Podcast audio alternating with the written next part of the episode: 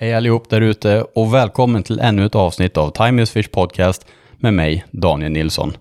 Nu är det ju så att julen står inför dörren och då menar jag inte vinterdäckena utan den faktiska julen. Så innan avsnittet här skulle jag bara vilja önska er alla en god jul och ett gott nytt år och tacka så mycket för det gångna året som har varit. Jag har personligen lärt mig jättemycket, det här projektet har växt och blivit någonting som jag tycker är riktigt roligt och jag ser väldigt mycket potential med det framöver. Så ni får jättegärna fortsätta komma med både bra feedback, men jättegärna även dålig feedback eller med tankar och idéer vad jag kan göra bättre eller annorlunda, så blir podden ännu bättre kommande år. Att ni även håller på och delar avsnitt, det betyder jättemycket för mig. Det får ni jättegärna fortsätta med, det uppskattar jag supermycket. En annan väldigt viktig sak framöver, ekonomin ser ju ut som den gör just nu. Det kommer vara jätteviktigt att vi alla drar våra strå till stacken och handlar lokalt. Vi har mängder med fantastiska sportfiskebutiker som drivs av eldsjälar, både personal och butiksägare. Lägg era inköp hos era lokala sportfiskebutiker i framtiden. De kanske inte har de absolut största sortimenterna, men är det någonting som de saknar, så om ni för en dialog med personalen så kommer de med all säkerhet kunna plocka in de produkterna och tillsammans kan vi se till att branschen fortsätter framåt för allas bästa. Den här podden är inte sponsrad av någon, det här avsnittet är inte presenterat av någon. Jag vill bara ta min makt och vad jag kan göra för att försöka hjälpas åt och göra allting bättre för den här branschen. Nu ska jag inte hålla er längre. Jag vill önska er en god jul och ett gott nytt år. Och här kommer den fantastiska legenden Håkan Fransson. Hoppas ni kommer gilla det här avsnittet. Ha det bra där ute i stugan.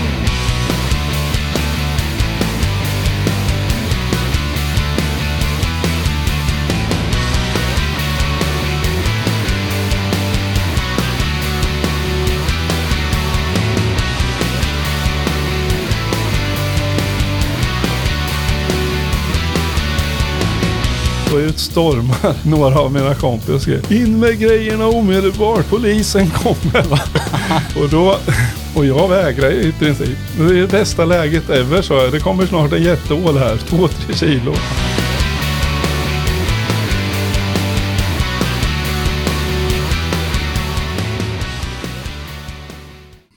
Så, dagens gäst är en citatmaskin av rang som jag för första gången träffade på ett JÖS-seminarium i Stockholm för 12 år sedan när han föreläste om vertikalfiske. Den här gemytliga mannen har fiskat längre än vad jag själv har funnits och det som alltid har fascinerat mig är bredden inom metoder och arter som han besitter och det gör honom till en otroligt komplett sportfiskare. Den hårlösa kungen från hjärtat av Östergötland är ingen mindre än självaste Håkan Fransson. Välkommen till podden. Tack så mycket Daniel. Vad kul att vi äntligen fick till det här.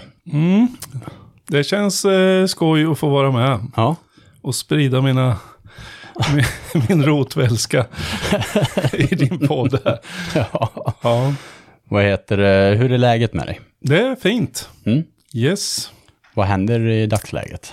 I dagsläget är det så att jag har startat ett eget företag. Mm. Håkan Fransson Guiding and Consulting AB. Ja.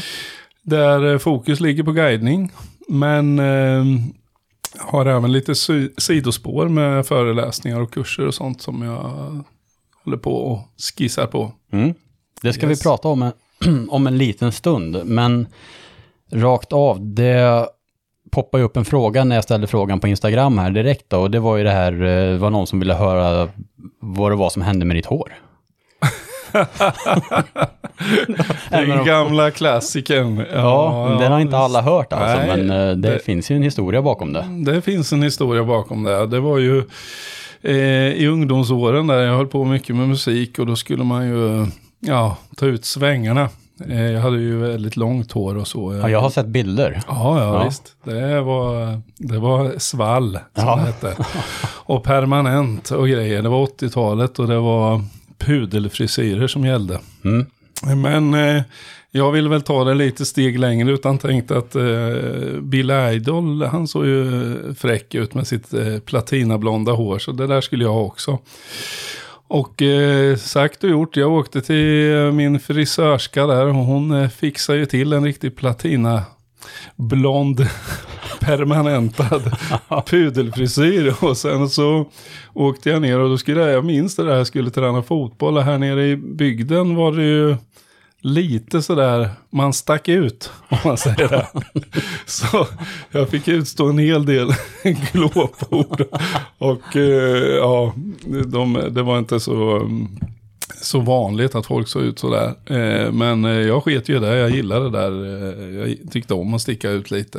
Ja. Det var jobbigt ibland när man gick ut på folkparkerna för då skulle ju alla raggare klå en. Ah, okej. Det var den st- stora mission den kvällen. Att få nita. Men jag hade väldigt snälla, eh, starka vänner som ställde upp då. Så det brukar oftast eh, plana ut. Ja. ja, men i alla fall, så det gick ju bra. Men sen skulle jag göra om det där. Och det var då den så kallade kronfadäsen uppstod. Och då var det så att frisörskan var inte problemet utan det var en vän till mig som eh, var, gjorde praktik där. Han skulle bli frisör. Så han, eh, och då sa han, ja han ska ha det här och du ska blanda här. Ja, han blandade på där och så får man en sån här liten snygg eh, eh, plastmössa på sig. När Ja. håret dras ut och sen så applicerar de ju väteperoxiden då. Det var bara det att eh, han hade blandat lite fel, som det heter. Så eh, ja, han drog på det där och allt var frid och fröjd några minuter. Sen började jag känna ett eh, starkt obehag. Eh, alltså en värmeutveckling som var... Var starkare än gången innan. Ja, det kom ju från Mordors innandömen. Vär- Värmen, så det- blev ju liksom till slut helt ohållbart. Utan jag började ju mer eller mindre yla där inne att eh, något är galet. Och då kopplade ju hos frisörskan med att det var galet. Så hon kom ju rusande och sen slet eh, av med det där och spolade massa kallt vatten på, på svålen. Eh, och eh, ja, jag trodde nog de hade eh, rätt det där helt enkelt att eh, räddat det liksom. Men eh, sen jag kom hem så var det ju väldigt rosa. Svålen. Det sken liksom igenom det vita på grund av brännskadan som hade uppstått då. Så eh, sen gick det väl några, någon vecka där, två. Sen började det ju så sakteliga att, att falla av där uppe. Ja. Fy satan. Ja, det, vart så svårt brännskadat eh, just uppe på huvudet. Eh, I nacken och sådär har man mycket starkare hårrötter så där klarar sig ju. Men eh, just uppe på så det sveddes av kan man säga. Och det var det sista utav svallet. Ja, det, då var det... Ja, sen gjorde jag eh, lite... När man är ung och sådär så får man ju besvär. Eh, lite, man blir ju deprimerad av sånt där. Man tänkte att nu är det golden days over och det blir inga tjejer någon mer utan... Du får ingen mer stryk på raggarträffarna Nej, det slipper man ju. Ja. Ja, det var en positiv grej eländet. Nej, men jag hade eh, lite problem där ett tag. Men sen... Eh, Hur gammal var du då? Ja, 23, 24 år. Ja. ja mm, där var jag. Men eh, ja, prylen var ju den då att man, ja, man gick ju ner sig lite där. Men sen tänkte man, och då körde jag någon ersättning på hår så här. Den kostade typ 50 000 spänn att fixa till. Så att det såg ut, ja visst, men det var min snälla far som ställde upp med det. Och det var, men det där kändes efter väldigt kort tag faktiskt. Jag hade inte det så länge så kändes det helt fel. Eh, och jag mådde ju inte bättre av det och gå med någon slags fejkhår och att det skulle se. Liksom, så då bestämde jag mig för att nu måste det hända något här. Mm. Eh, och då pratade jag med någon, eh, du vet, eh, sån här läkare och han sa, ja, face the fact. Alltså antingen kör du på det här och mår så här, annars tar du bort det hela och acceptera hur det är. Och då tänkte jag, då får jag acceptera. Sen hade vi en riktigt eh, bra fyllefest där. och då hade jag snälla kompisar. Så då var det totalskalning. Alltså raka av allt. Och inkludera två vänner också som gjorde samtidigt. En Ja. sympatiåtgärd. ja, för att jag inte skulle känna mig så ensam. Utan, eh, alltså med rakad skalle. Det var ju schysst. Ja, för på den tiden var ju inte det något vanligt. Utan de som eh, hade det, de lyssnade ju på vit maktmusik och sträckte ut högerarmen i rak vinkel. Så, Dålig kategori associeras Ja, vid. precis. Så då blev det ju så att eh, eh, ja, vi gjorde det där och, och det kändes det väl eh, bra alltså. Mm. Visst, det var lite tungt i början när man gick ut för man stack ju ut då med kan man ju säga. Fast på ett annat sätt. Men frågan är ju då, han din kompis som eh, aspirerade till att bli frisör. Ja, Vad, blev han sen? Blev han frisör? Eh, Ja, det var, han jobbade jättebra. eh, Kanonkille det där. Så, eh, det var inget, han hade, han hade otur på jobbet. och just de här jobben var lite känsliga. Inte så bra otur i. Men, För det är eh, en sak att gå liksom och så är man lite, ah, de tog lite för mycket på luggen liksom, så är man missnöjd. Ja, ja, men, Men eh, det, det där är ju en eh, ordentlig fadäs. ja, visst, han städade av allt. Städad och- Ja, ja, men eh, ja, man fick acceptera läget och sen eh, det enda, jag hade väl någon issue på någon Ålandsbåt då när jag varit mer eller mindre jagad av några som skulle klå skinheadet. Så, så då, fick jag, då fick jag smita. Jag har alltid varit snabb så jag lyckades undkomma de där eh, arga människorna. Ja, det är ju sorgligt att det ska behövas bli så, men Mm, ja. Nej, det, det är ju en ganska rolig historia, mm. så här i efterhand. Ja, det kan man säga. Så då blir du av med dina hopp och drömmar på gässan. Och om man då också går in på hopp och drömmar då, så eh, brukar jag ju alltid eh, förbereda min gäst på en form av drömscenario inom fiske. För det är någonting, vi fiskare har ju en stark tro och mycket hopp. Och många av oss har ju kanske någon stark dröm inom fisket som man vill uppnå. Och det ska du få fundera på i avsnittet. Ja, Och så ska vi avsluta med det. ja. Som, eh, som jag sagt förut, då, det är perfekt att avsluta med när lyssnarna är trötta i huvudet efter, att, efter vi har babblat på. ja.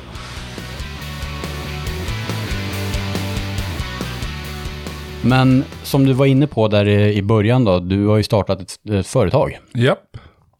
Och det heter, Håkan Fransson Guiding and Consulting AB.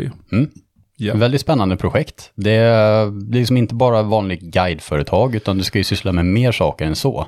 Mm. Och det blir alltså lite kurser och sånt där. Ja, Mm. det är det som jag, jag har redan eh, lagt ut en kurs. Tyvärr har vi haft dålig orderingång nu.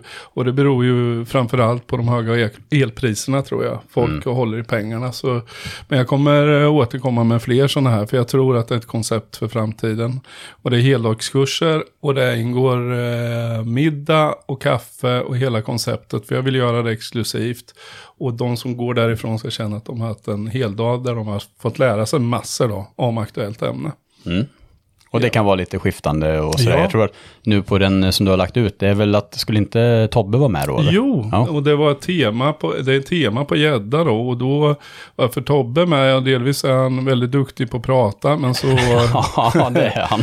sen kan han gäddans biologi. Och det kan väl även du och jag en hel del om. Men ingen kan det så bra som Tobbe som har Han är professor. Yes.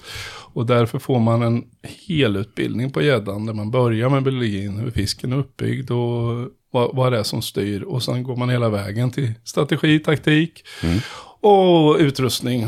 Hela metoder och alltihop. Och så när man går därifrån så ska man känna nu har jag liksom koll på den här fisken. Och hur jag ska kunna tackla den. Så, så är tanken med de här och det kommer ju vara på gös också. Mm. Mm. Kul koncept. Och guideverksamheten, vad kommer det innefatta? Har du någon speciell inriktning på det?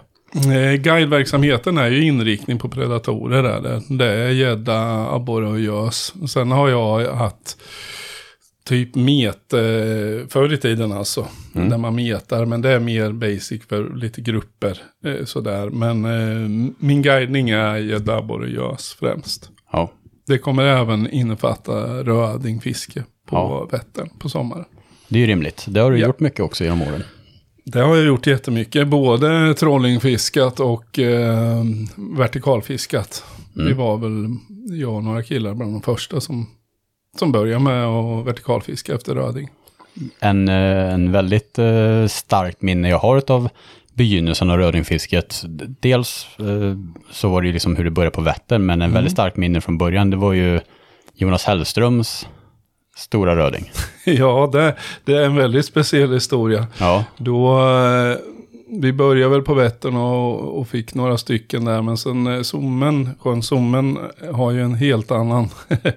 en helt annan stam av det, röding. Ja, det är en egen stam och den är eh, otroligt storvuxen. Eh, På Vättern kan man, eh, om man har tur, skulle ha riktig tur, kan man få en över typ 5 kilo. Men på Mm. Sommen finns det fiskar uppåt ja, 7, 8, 9 kilo. Mm.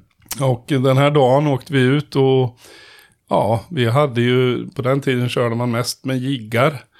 Eh, och med lite tyngre skallar och sådär. Och just den här fisken, då hade vi, vi turades om att släppa ner på de här rödingarna som vi hittade då.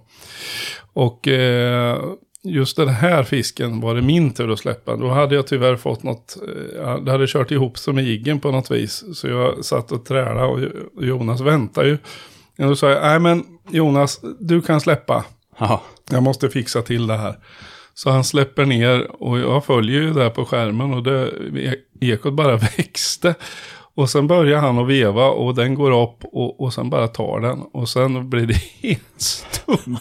och, och då börjar han att och liksom grymta lite. Det var väl hans sätt att, att visa att nu är det liksom på riktigt. Och jag stod och tittade och det, det var en hård fight. Sen helt plötsligt ser jag något där nere och sen bara växer det. Och sen när den kommer upp till båten då, då står man väl simultant och bara vrålar rakt ut. För den, var, den såg sinnessjukt stor ut. Och sen när den rullar in i hoven då så var det ju en eh, helt otrolig fisk på 8,2 kilo som hade landats. Det är helt sjukt. Det, det, måste ju fortfarande vara en av de största som har tagits på vertikalfiske. Det är, det är det. Det är det. Ja, det är den största kanske? Jag tror det till och med. Det är Ja. den största röding som har tagits på vertikalfiske. Eh, vi Ja. körde, körde vidare den dagen med och jag fick ju faktiskt en på 2,5 kilo. Ja. Eh, men sen efter det, för då fick vi otroligt blodad tand på det där. Ja, Så det då- är rimligt. Det ja, förstår man. Ja, visst. Så då måste man eh, förstå hur knepigt det är. För då körde vi, räkna ut exakt 40 timmar utan ett napp Ja. efter det där. Och sjön är inte lättfiskad på, på något sätt sådär. Men delvis då var vi lite, lite färska på det där med vertikalen. Men Men det här Ja. var ju ganska mycket i begynnelsen av det. Det var ju inte Ja, ja. vedertagen metod för nej, nej, nej, nej, nej. Det, var det. ju, det var ju väldigt tidigt där. Ja, det var tidigt. Det var ju vi och ett par andra som hade börjat med det. Tyvärr gav den där fisken fel signaler till trollarna på zoomen då. Som, eh, och då vart eh, vertikalfisket förbjudet som metod i, eh, i de östra delarna av sjön. Eh, vart tillåtet i den västra delen av sjön som inte håller någon röding knappt. Så, eh, det, det där är ju en hel historia i sig med Ja. reglerna på ja, zoomen. Ja, det är det. De är, speciella, men eh, eh, de, de såg väl den där fisken, men de såg inte de 40 blanktimmarna som var efter där. Så, eh, Nej. Men man får ju fortfarande, man får ju båtpimpla. ja. Det får man göra. Ja, ja, det får man. Men och sen, när eh, min vän frågade vad skillnaden var, då, då svarade, då fick han till svar, det vet du. ja, man skulle kunna runda det där, men jag har, eh, och, Jonas också vet det, ingen av oss har eh, liksom eh, för, försökt att, att fulfiska på dem på det här viset. Utan, Nej, det är Ja. som det är. Ja, ja, och man ska ha respekt för de fiskevårdsbestämmelser som gäller i alla sjöar. Och bestämmer de så, ja då får du köpa läget. Ja. Så är det bara. Ja. Men det här, ja det är en rolig incident och det är en starkt minne jag har. Jag glömmer aldrig liksom när jag fick se den där rödingen. Det, den var ju så otroligt stor. Och som sagt, Ja. det är fortfarande, och det här är ju typ tio år sedan. Om Ja, inte elva till och med. ja, det är någonstans där. Ja, så den, den eh, men vi har ju, det är ju den sjön Sommen och sen är det en sjö som heter Ören där som är stängd Mm. för eh, rödingfiske överhuvudtaget. Och eh, den har också sådana fiskar. Och den har ju ett riktigt unikt bestånd av röding.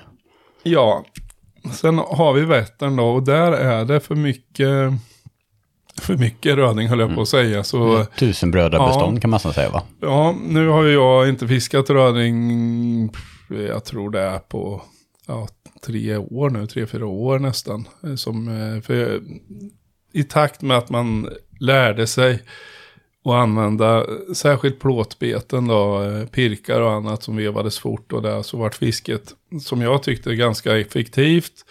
Och har du dragit 500 rödingar mellan 1,8 kilo upp till typ 4, 4,5 till slut så jag drivs av utmaningar i fisket. Mm. Och när jag känner att fisket inte blir riktigt en utmaning eller att jag har tagit en metod så långt jag tycker jag har tagit den, då droppar jag. Det var samma med vertikalfisket efter gös då. Men jag har ju gått samma skola på bägge två Ja, ungefär. Jag har ja, också ja. inte fiskat röding så mycket längre för det blir lite samma samma varje pass och så Ja, det händer inte så mycket annorlunda. Nej, sen är det för nykomlingar eller de så är det en fantastiskt rolig fisk att drilla. Ja, det är hur kul som helst. Och så just att det ofta är fint väder och trevligt och sådär också. Ja, men det gäller att välja rätt dagar där ute, Ja, det ska gudarna veta.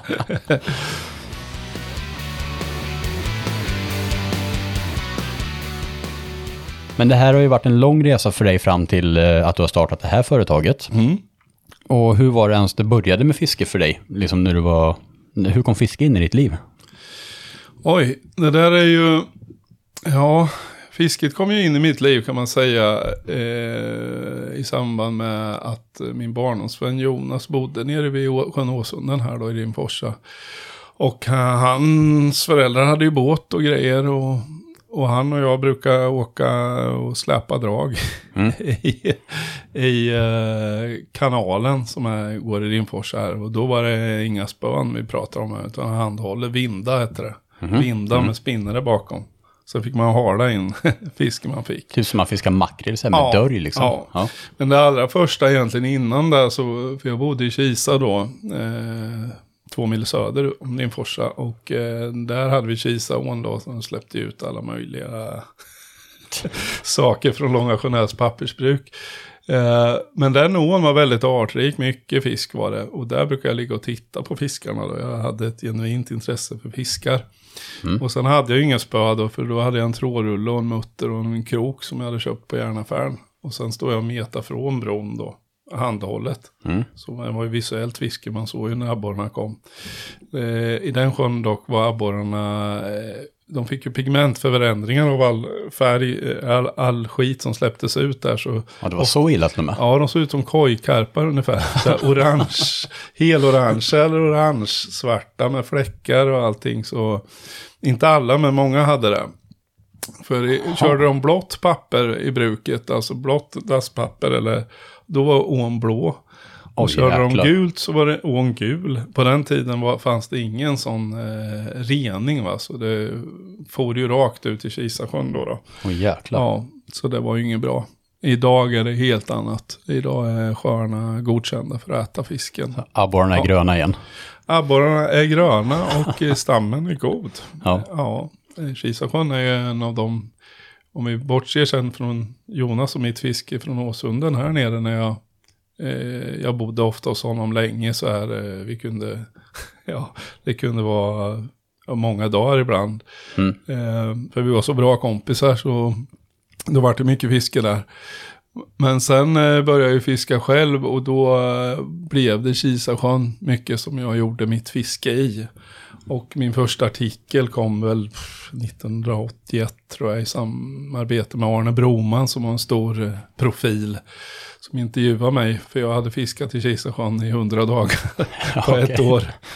Och fått eh, typ 300-400 gäddor där. Eh, Och ja, hade en liten artikel om det. Och i den sjön simmade väldigt stora abborrar och gör fortfarande idag också. Så då fick man både lära sig att fiska mycket gäddor och sen få stora abborrar. Mm. Så det var, Kisasjön var en bra sjö att hålla på med. Mm. Det är egentligen två sjöar, Kisasjön och sen den andra sjön som vi kallar Knoppetorpesjön då. Eh, som sitter ihop med en liten kanal emellan. Mm. Och båda höll då ett jättebestånd av gäddor. Eh, svartlistat vatten. Inte många som fiskade mer än vi då. Och eh, ja, där eh, hände mycket, mycket skojiga saker. Har du något speciellt roligt minne från det där? Ja, jag har mycket dum, eh, sådär idiotgrejer som vi höll på med på den tiden. För det var så mycket gäddor så då fick vi någon slags ingivelse att vi skulle klubba alla gäddor vi fick. Som, inte om de var jättestora men om de var lite mindre så skulle man slå ihjäl dem då. Och, Ja, men på eh, den tiden så slog, alltså det var ju ganska vanligt att man slog ihjäl allt då. Ja, eh, egentligen. Fast vi, eh, Så eller jag lärde... åt, eh, så här, beundransvärt när ni släpper tillbaka de stora redan då. Ja, så var det ju. Ibland så åkte du med en för att posera med hemma naturligtvis. Men vi, vi satte nog till, men sen varför jag börjar med Catch and Release överhuvudtaget handlar ju egentligen inte om att jag inte slog ihjäl fisken. Utan det handlar ju om att min mamma var väldigt ekonomisk. Så jag fick ju alltid, allt jag tog hem hamna på matbordet. Och jag var ruggigt trött på gädda efter ett tag. Helst kvicksilvergädda från Kisasjön. Den Mercury Pike. Ja, den, den var jag trött på. Och då kom jag på om jag inte tar hem fisk så blir det ingen fisk. så, så ni gick ner i vikt men ni började med catch and release? Ja, men hon begrep nog inte riktigt varför eh, att få- fångsterna skulle bli sämre efter man, man köpte mer drag och grejer och sådär. Men nej, det var... Det var ju så- finurligt. Ja, det var så jag kom på det där med att catch and release var en väldigt bra grej. Ja, det var en rolig ingång. Ja. Hur, eh, hade du, var det någon i din familj som fiskade så eller hade du någon mentor när du var yngre som du såg upp till och fick hjälp av? Ja, varken min mor eller far var fiskintresserade. Det har kommit helt från eget eh, bevåg då. Sen var ju min kompis här, hans föräldrar var lite mer fiskintresserade som var med och meta lite och sådär. Men nej, det var inte förrän, ja, ja just det, jag bodde i Rimfors, sen flyttade jag ner till Kisa och då skulle jag pimpla för jag hade ju sådana här idéer att det här ska jag göra. Ja. Så jag begav mig ut där med någon eh, halvslött borr och någon rulle med typ 040 lina och någon pirk. Så den var ju för lätt för linan så linan var ju som en spiral. Jaha, så det så här, sen studsade du upp Ja, och som ner. en, ner. fjäder, Ja. som en fjäder. Och så satt jag där ute och då var det några andra där ute på isen så... Eh, ja, de, så, de drog ju hela tiden och fina abborrar och det var... Och jag satt ju där i min misär och hade absolut inget napp. Men så den ena karln där, han, eh, jag såg att han satt och kikade på mig. Sen kom han helt plötsligt och sa, eh, går det bra? Nej, det gjorde ju verkligen inte. Så det, det var bara att erkänna att nej, att, att man fullständigt sög på pimpelfiske. Ja, vänt sa han, jag ska hjälpa dig. Ja, ja, det är jättegärna. Ja, du ska få låna ett spö av mig, sa han. Och så får du låna den här pirken och, och den här kroken. För det här är A-passet för fisket, sa han. Inte det där du har med. Det är ju, av, vad var det han sa, det är anpassat för fiskehaj. ja, så jag fick låna det och det började ju. Fick ju fisk direkt där. Och sen eh, på den resan var det, och han hette Kaj Jonsson och är ju en av våra största profiler. Alltså äldre, han är ju avliden nu sen eh, flera år. Men han var en väldigt välkänd figur i sportfisket i Sverige. Skrev i, i Fiskejournalen och vän med Arne Broman. Så det var helt rätt person som kom. Och sen därifrån så blev det en vänskap. För han eh, hade en dotter. Men eh, hon Gunilla var ju inte så fiskeintresserad. Så jag vart nog det perfekta offret för honom att lära fiska. Ja. För det hade han sagt till min pappa, då sa han så här. Ja, Håkan får följa med mig. För jag, jag ska lära han att fiska, sa han. Eh, och det kan man ju lugnt säga att han gjorde. Så eh, varje gång så här, och jag var ju ganska tjat, jag måste varit tjatig liksom. Och så ringde jag ju så här, ska du ut och fiska? Och sen, ja, ja, du kan få följa med, sa han. Så fick man följa med. Det var inget Vilken mer. jäkla grej alltså. och där i bilen så var det historier. Eh, massa historier fick jag lyssna på. Jag fick även lyssna på dragsmedsmusik som inte var lika intressant. Och så fick jag även inhalera eh, sanslösa mängder rök från hans gula bländ. Och sen uppleva hans... Eh, han hade ju en speciell grej, han rökte och så snusade han samtidigt. Tre ankare snus, oftast ett par stycken som man stoppade upp under läppen. Och sen när han körde bilen så vevade han ner vindrutan mikroskopiskt för att spotta ut de här safterna som kom. Vilket medför att väldigt lite av spottet får ut utanför bilen. Utan det vart som en ring, så här brun ring på insidan av rutan. Där där satt. Så det var ju lite svårt att se ut där åt sidan. Men eh, Eh, han var otroligt skön lirare. Jag har ju historier när vi åker på pimpeltävlingar. Eh, han och sen hans, eh, en annan kompis där, Urban, och båda rökte. Och så fick vi ungdomar sitta i baksätet. Och eh, när man klev ur bilen så öppnades dörrarna och så kom det ut ett rökmoln. Sen ramlade det ut tre figurer från baksätet som låg och kippade efter luft. så, första timmen på tävlingen mådde man inte så här superhyvens. Så jag... Så ni var som abborrarna där i den där eh, ån då som blev helt eh, Ja, vi, förgiftade? ja, vi var helt inrökta. Kolla, där kommer böcklingarna. Ja, fast en annan innebörd.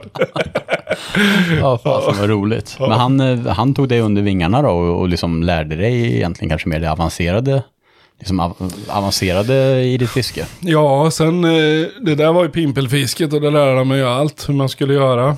Mm. En taktik, strategi, särskilt tävlingsfiske då som var stort på den tiden. DM kunde locka typ 800 deltagare. Det var ju stort som tusan för. Ja, jättestort. Och där var det mycket med tävlingsfisket. Skilde han ju på eh, mot eh, privat fiske. Eh, där man kanske gick ibland efter stora abborre och då var det där man gick efter. Då lärde man ju fiska djupt ända ner till 20-25 meter efter norsabborrar och så här. Och vilken, ja, att man behövde grövre linor då och större pirkar och he hela grejen. Och sen tävlingsfisket då som var ett helt annat, så mycket snabbare fiske, springa. Och lära sig att och liksom göra bedömningar hela tiden. Mm. Är det läge att stanna? Ska jag dra? Ska jag, hela den grejen. Så där, eh, att jag fick stora framgångar där berodde ju på han. Det där är svårt att komma på själv. Det tar flera år att sig det naturligtvis. Så sen tränar vi mycket. Då tränar man, heter. Vi ska åka och träna. Så då åkte man upp till alltså? någon göl så här med typ en miljon kolsvarta små tusenbröder. Och så satt man och tränade och testade krokar och lite sådana grejer då. Det är häftigt vilket allvar det var på alltså. Ja, det var... Det var ju verkligen, eh, avancerat. Ja, ja. Vi hade ju någon där, han, inför varje tävling innan vi skulle hämta han så... Ja, jag ska bara vänta på honom här för han måste gå och spy först. Så han var så nervös innan tävlingen så han var tvungen att kräkas liksom. Ja, vi snackar... Då är man laddad. Som stora sportsmän kan ju också ha sådana där grejer att de Ja. blir dåliga innan. och- Så ja, då är man laddad. Jaha, Ja, jäklar. ja. Men sen eh, utvecklades jag till eh, även på sommarfisket då med mete, för han var ju väldigt duktig på meta. Och Mm. Arne Broman är ju en av metets fadersfigurer i Sverige, det moderna metet. Där man använder mäsk och man använder, eller som kallas internationellt mete, även tävlingar där. Där man mäskar på fisken. Men så, framförallt blev det ju det här specimenfisket då. Och riktade efter olika arter. Och eh, olika arter har ju olika beteenden. Så då lärde man sig ja, hur man mäskar efter olika arter och allting. Så allt där fick jag ju gratis av de där nissarna. De har jag att tacka för det mesta. Det är rätt fascinerande att den där gången på isen eh, kanske var det som banade väg för hela det här. Ja, det är ingen som vet om jag inte hade stött på en där, vad, hur det hade blivit. För det var Häftigt. sta- startskottet. Sen hade jag ju en båt där i också som jag fick låna. Och den där, den där båten blev lånad kan jag lugnt säga. Ja, det kan jag Ja, tänka mig. ja, ja, men eh, han var väldigt, uh, väldigt vänlig person. Men Mm. bestämd. Han hade starka åsikter och grejer. Och det blev som Kaj sa ofta. ja, Det kanske var bra, du kanske behövde en fast hand. Ja, det, jag var nog ganska eh, lätt sådär som ung. Jag var något så svår där, men eh, han var bra att ha. Mycket, mycket bra. Ja, det är fascinerande. Ja. Hur ska jag säga, ditt fiske och sådär utvecklades så, men jobbmässigt, för du har ju också kommit in i sportfiskebranschen sen ganska länge tillbaka. Du sa att du var med i en artikel redan när du var liten där. Mm. Hur kom du in i, för man kan ju säga så här lite, du jobbade ju med, vad ska man säga, psykiskt sjuka. Japp. Så att gå från att jobba med psykiskt sjuka till att hamna i en bransch full av oss psykiskt sjuka. Det var inte så svårt det. Nej, det- övergången är ganska Ja, du. lätt så. Ja. Nej, men eh, din, eh, ska vi säga din jobbkarriär och sånt fram till idag också. Hur liksom, för fisket flätades ihop lite sådär och du gjorde lite projekt vid sidan av ditt jobb. Du var med i ABU och sådär förr. Mm, mm. Hur kom du in på ABU ens från början?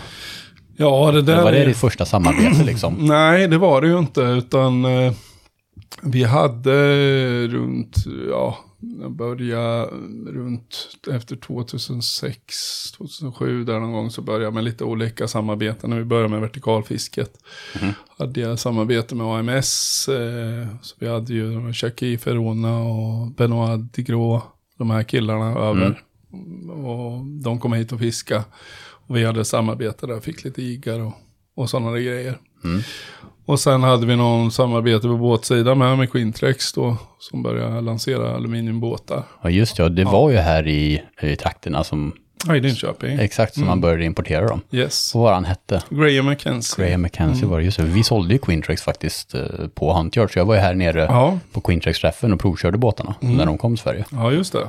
Just det. Ja, så där började det och sen så, ja, i takt med, det blir ju lite sociala medier och sånt där och då börjar de vifta ut massa gösar och grejer och, och då fick väl, eh, ja, folk syn på det i branschen och grejer och eh, då var det väl eh, Olle Lidesjö där och Lars Kajander som ville börja profilera eh, ABU. Och de hade ju Claes Claesson, eh, Svartsonker då, som eh, hjälpte dem med beten. Mm. Och sen så ville de ha någon mer och då fick jag åka på möte i Vimmerby med eh, Olle och sen Lars Kajander, deras säljare då. Eh, och ja, där och då så, ja, sen brakade det igång kan man säga. Mm. Och eh, Olle fick jag direkt eh, jätteförtroende för som eh, en mycket gedigen lirare. Som eh, hade mycket vänlig man och allting, men mycket bestämd man också. Hade bestämt mål med vad jag skulle göra och hur det skulle vara. Och eh, ja, då eh, jag bestämde mig direkt för att det här, det här känns riktigt bra, så det här tar vi. Däremot hade vi, det var rätt kul där uppe, för han hade ju showroom där med massa spön och grejer. Och sen började jag Ja, vi har de här och de visar sina grejer. Ja, det där jag ska ha till trolling till gädda. Sen plockade jag ner ett, ett spö från hyllan och så sa... då sa... Ja, men det där är ett havsfiskespö. ja, men det här, sa jag. Och det var något mm, pennspö där, eh, braidspö. 20-30 pound spö. Det här är perfekt för stor gädda. Det där är, det, ja men det här, det här vill jag ha. Ja, men det kan du få. Och sen då fattar de ju att de, ja, det var ett annat tänk. Mm. Från de som verkligen fiskar. Vad är det för spesa man behöver på grejerna? Likadant på vertikalspön eh, och där och jag vill, ja, sen, då fick jag syn på ett och det här så jag, det här är det ultimata. Nej, det där är ett japanskt spö. Det är Orenje, det kostar 4 000, det kan vi inte sälja här i Sverige. Ja, men det här vill jag ha. Och sen tog de ändå in, så det såldes ett hundratal spön på ett år. Och det var ju, tyckte de helt otroligt att vi kunde sälja det. Eh, men eh, de förstod lite. Så man, som, när man jobbar som konsult i det här fallet, för det är ju där man är, eh, kan man säga. Man hjälper dem med inputs på prylarna. Så, eh, så tror jag de hade stor nytta av det där. Ja, men verkligen, då, Ja. då, då får de ju ut det de vill ha av dig. Ja, att, de hjälp, att du hjälper dem. Ja, Liksom. visst för att bara stå med en logga på sig, det hjälper dem ju inte speciellt mycket. Även om det är bra att man syns med lite fiskar, men man ska ju också göra någonting. Det var någon som uttryckte, och då i någon eh, tråd så här, så skrev, skrev, det var jätteroligt så här, för många kan ju bli avundsjuka på det här, med om man är för ett märke, du är för Westin och jag var för ABU då, att oj oj oj vad grejer de får och det är, ja då skrev han, det är nice att få spons. Och oftast förstår inte de personerna vilket oerhört engage- engagemang du måste lägga ner Mm. för att få spons. I frågan om otroliga timmar framför Messenger och prata med folk som har frågor. Mm. Och godkänna alla vänförfrågningar och eh, som du sa förut, det nu ska jag inte prata i- illa, men det finns eh, mycket skojiga figurer där ute. Vad man kunde få bli sittande i, i, i över en timme med, med massa konstiga frågor och allting. Så eh, man får inga grejer gratis. Nej, det är ju det är en form av jobb liksom. Och ni som Absolut. inte har, för er som lyssnar då, om ni vill höra ett riktigt bra avsnitt också, jag har ju gjort ett, eh, Olle har ju gästat podden. Mm. Så för er som inte har lyssnat på det, lyssna gärna på avsnittet med Olle. Han är en fantastisk man, precis som, som du nämner. Han är en gedigen herre. Mm, det är han. Men eh, det är det där, med- ska man vara som sponsrad fiskare eller ja, vad, vad man ska kalla det, semispons eller om man har, det ska ju folk, många tror ju att jag var anställd av ABU, att det var mitt jobb. Men det var det ju inte. Man, man uppbär inga pengar. Eh, på den tiden fanns inga anställningar eh, av oss profiler, utan man fick prylar. Mm. Man fick sakerna. Det var det. Och eh, då, ja, och så de timmarna man lägger ner på de sakerna man, man får kanske inte riktigt rimmar, men det är ju en avvägning du gör själv. Vill du göra det eller inte? Men eh, jag har alltid drivits av att jag vill, eh, jag tycker om att, att lära folk att fiska. Utbilda folk i att fiska så att de kan bli bättre. För det är ju så också det säljs mycket mer grejer. Eh, så eh, det, för mig kändes det kul liksom att hålla på med det. Och det är kul nu med det här klivet du har tagit med ditt företag då, att Mm. du kan ha dina kurser och sådär också. Ja. Så det är ju perfekt. Men du var ju också med, eh, du var med i ABU och sen Mm. eh, blev du med i Pike Fight, Ja. där vi såg dig i två säsonger. Mm. Väldigt roliga säsonger och jag tror det var, det, var det där vi fick höra historien om håret första gången va? Det var väl i typ säsong två? Ja, det var det. För då hade Olle hans son. Ja just det, mössa. Ja, de hade hittat någon mössa, och det tror jag var i Korea eller någonstans. Som hade beställt hem till det där eh, med en keps med hår på.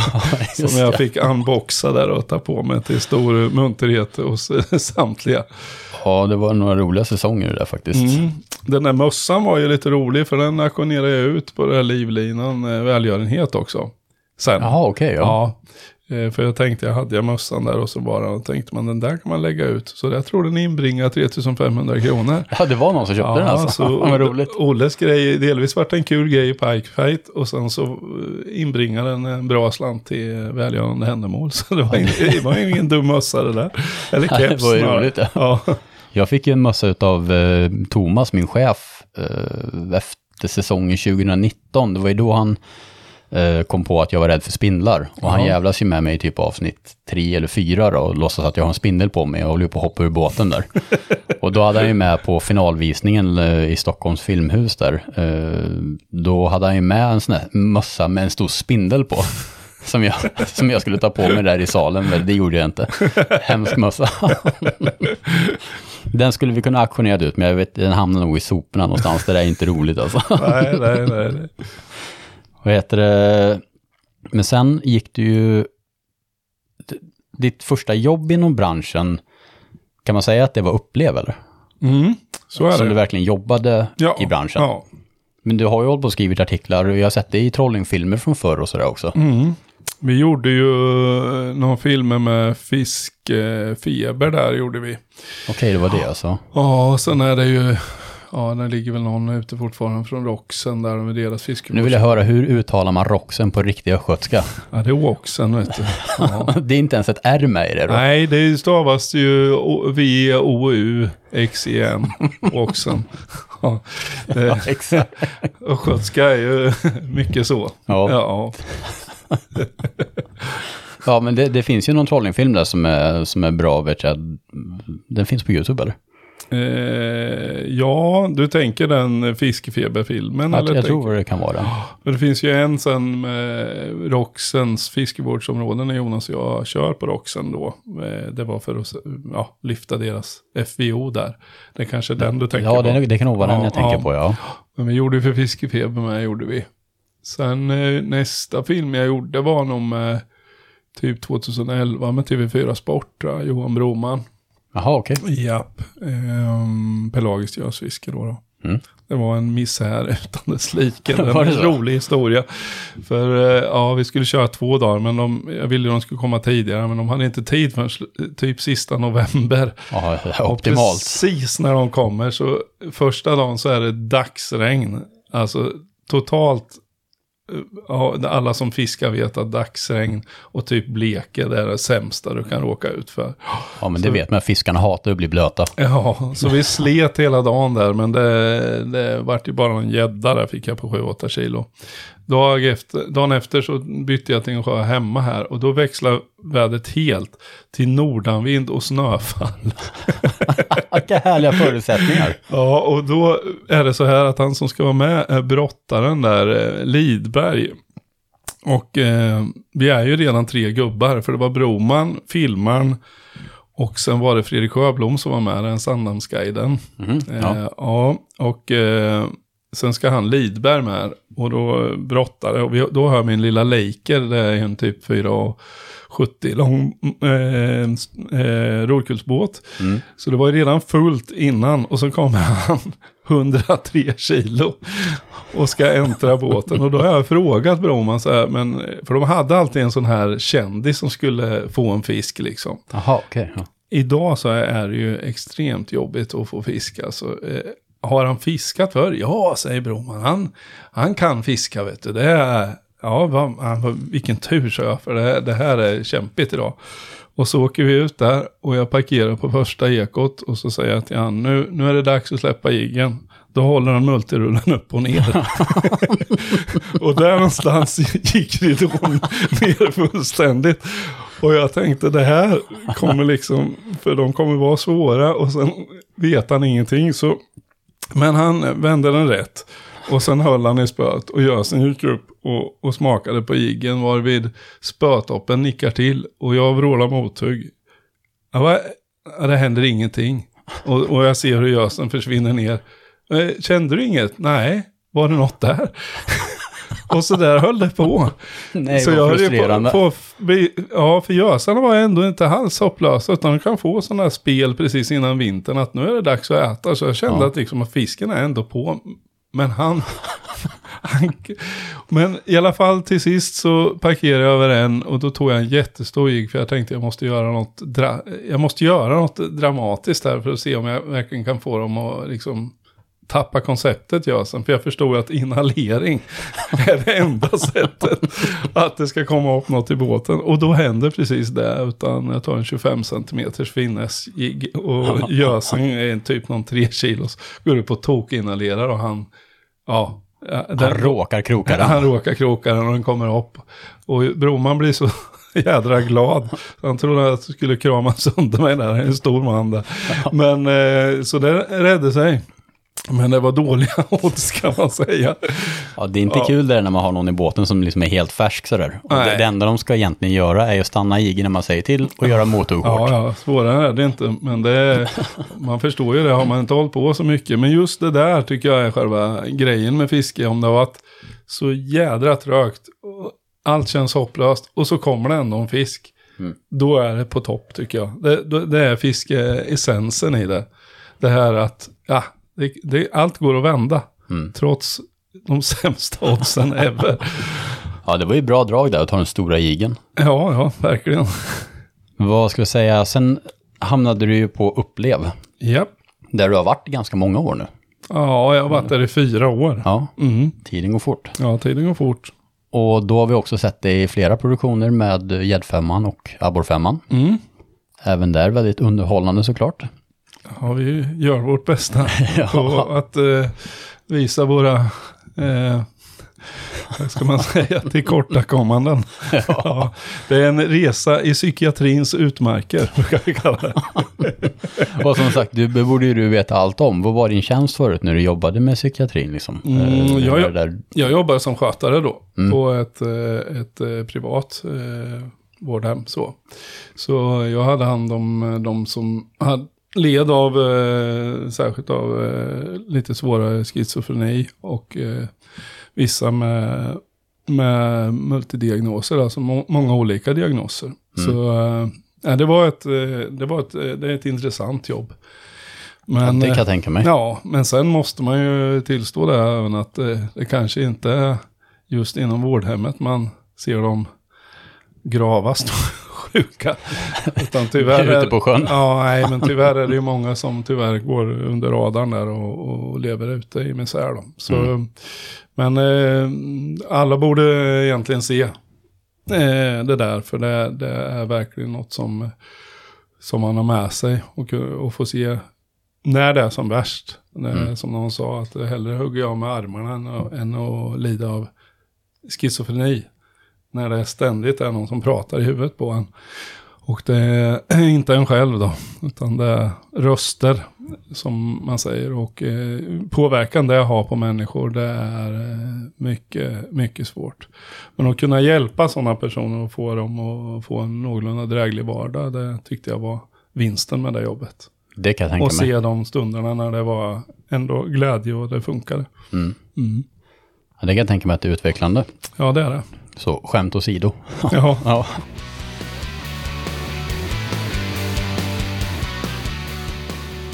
Har du några tips? För att det är ju ändå kanske ganska många som drömmer om att jobba med fiske och starta eget.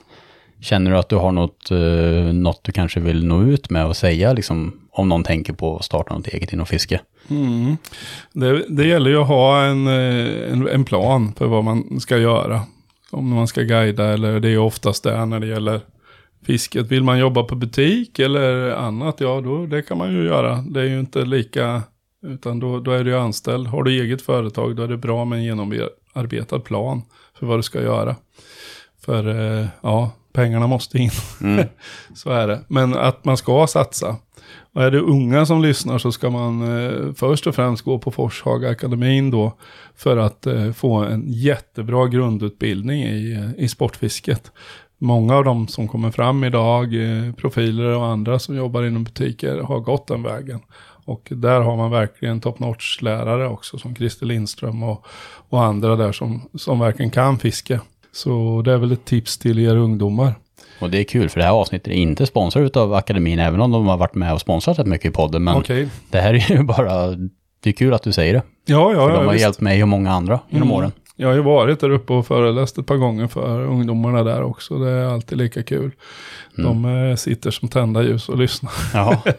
Eh, Jag hade för, fick faktiskt föreläsa här också för typ en månad sedan. Ja. För, jag tror var årskurs två. Det var Mm. riktigt kul faktiskt. Mm. De är, man märker, de är väldigt intresserade.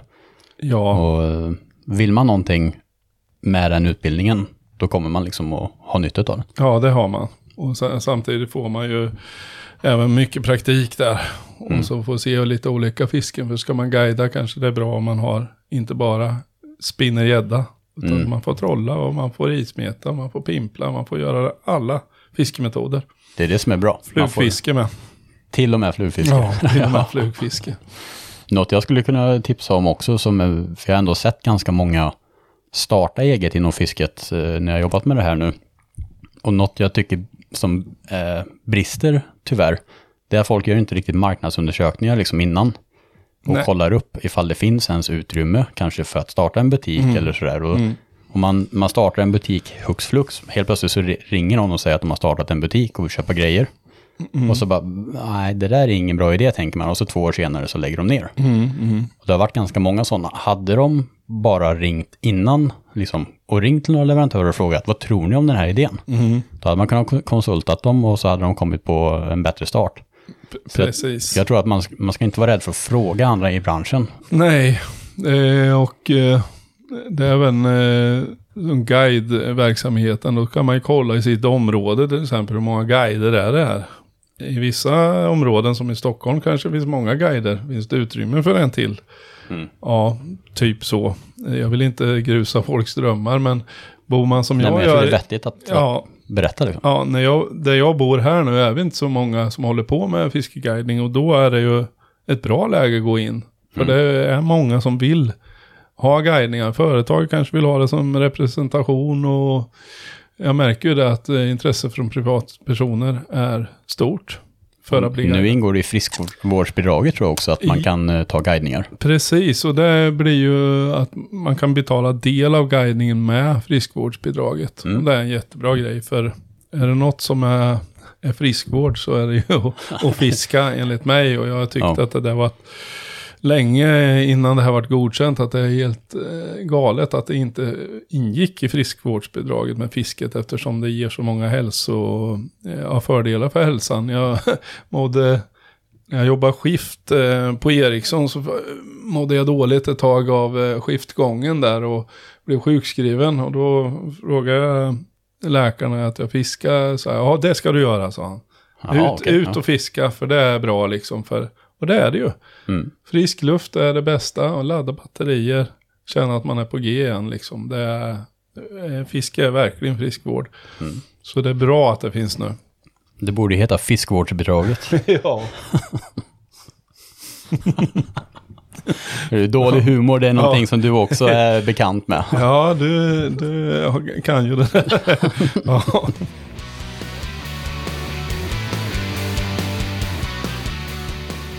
Någonting som är lite synonym med dig Håkan, det är ju diverse uttryck.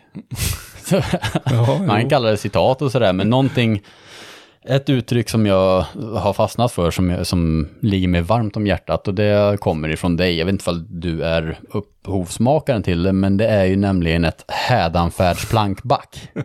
ja, just det. Och det, det, det, det vill jag gärna att du bryter ner och berättar vad det innebär och hur det går till. Ja, just ut, uttrycket eh, sådär, det härstammar från mig. Men det var just med hädanfärd. Jag läste någon eh, artikel om en konsert med en, eh, en eh, dödsmetallgrupp som heter Watain. Och de hade kanoner på scen med grisblod i. Det, det är ju jätterimligt. Ja, det är rimligt. Ja. Ja. för då, då blir det en sällsam upplevelse när det där ska sprutas ut över publiken. Man kan säga att de mäskar liksom publiken. Det gör de. Och grejen med det där var tydligen att efter typ tre månader på turné så hade det där blodet eh, härsknat lite i sina behållare. Så när, när de sprutade ut det så stod det så här i artikeln. Då uppstod en hädanfärdsodör. Ja, och, och, och, där, och folk hade ju vomerat helt fritt i publiken naturligtvis. Så du kan tänka dig hela...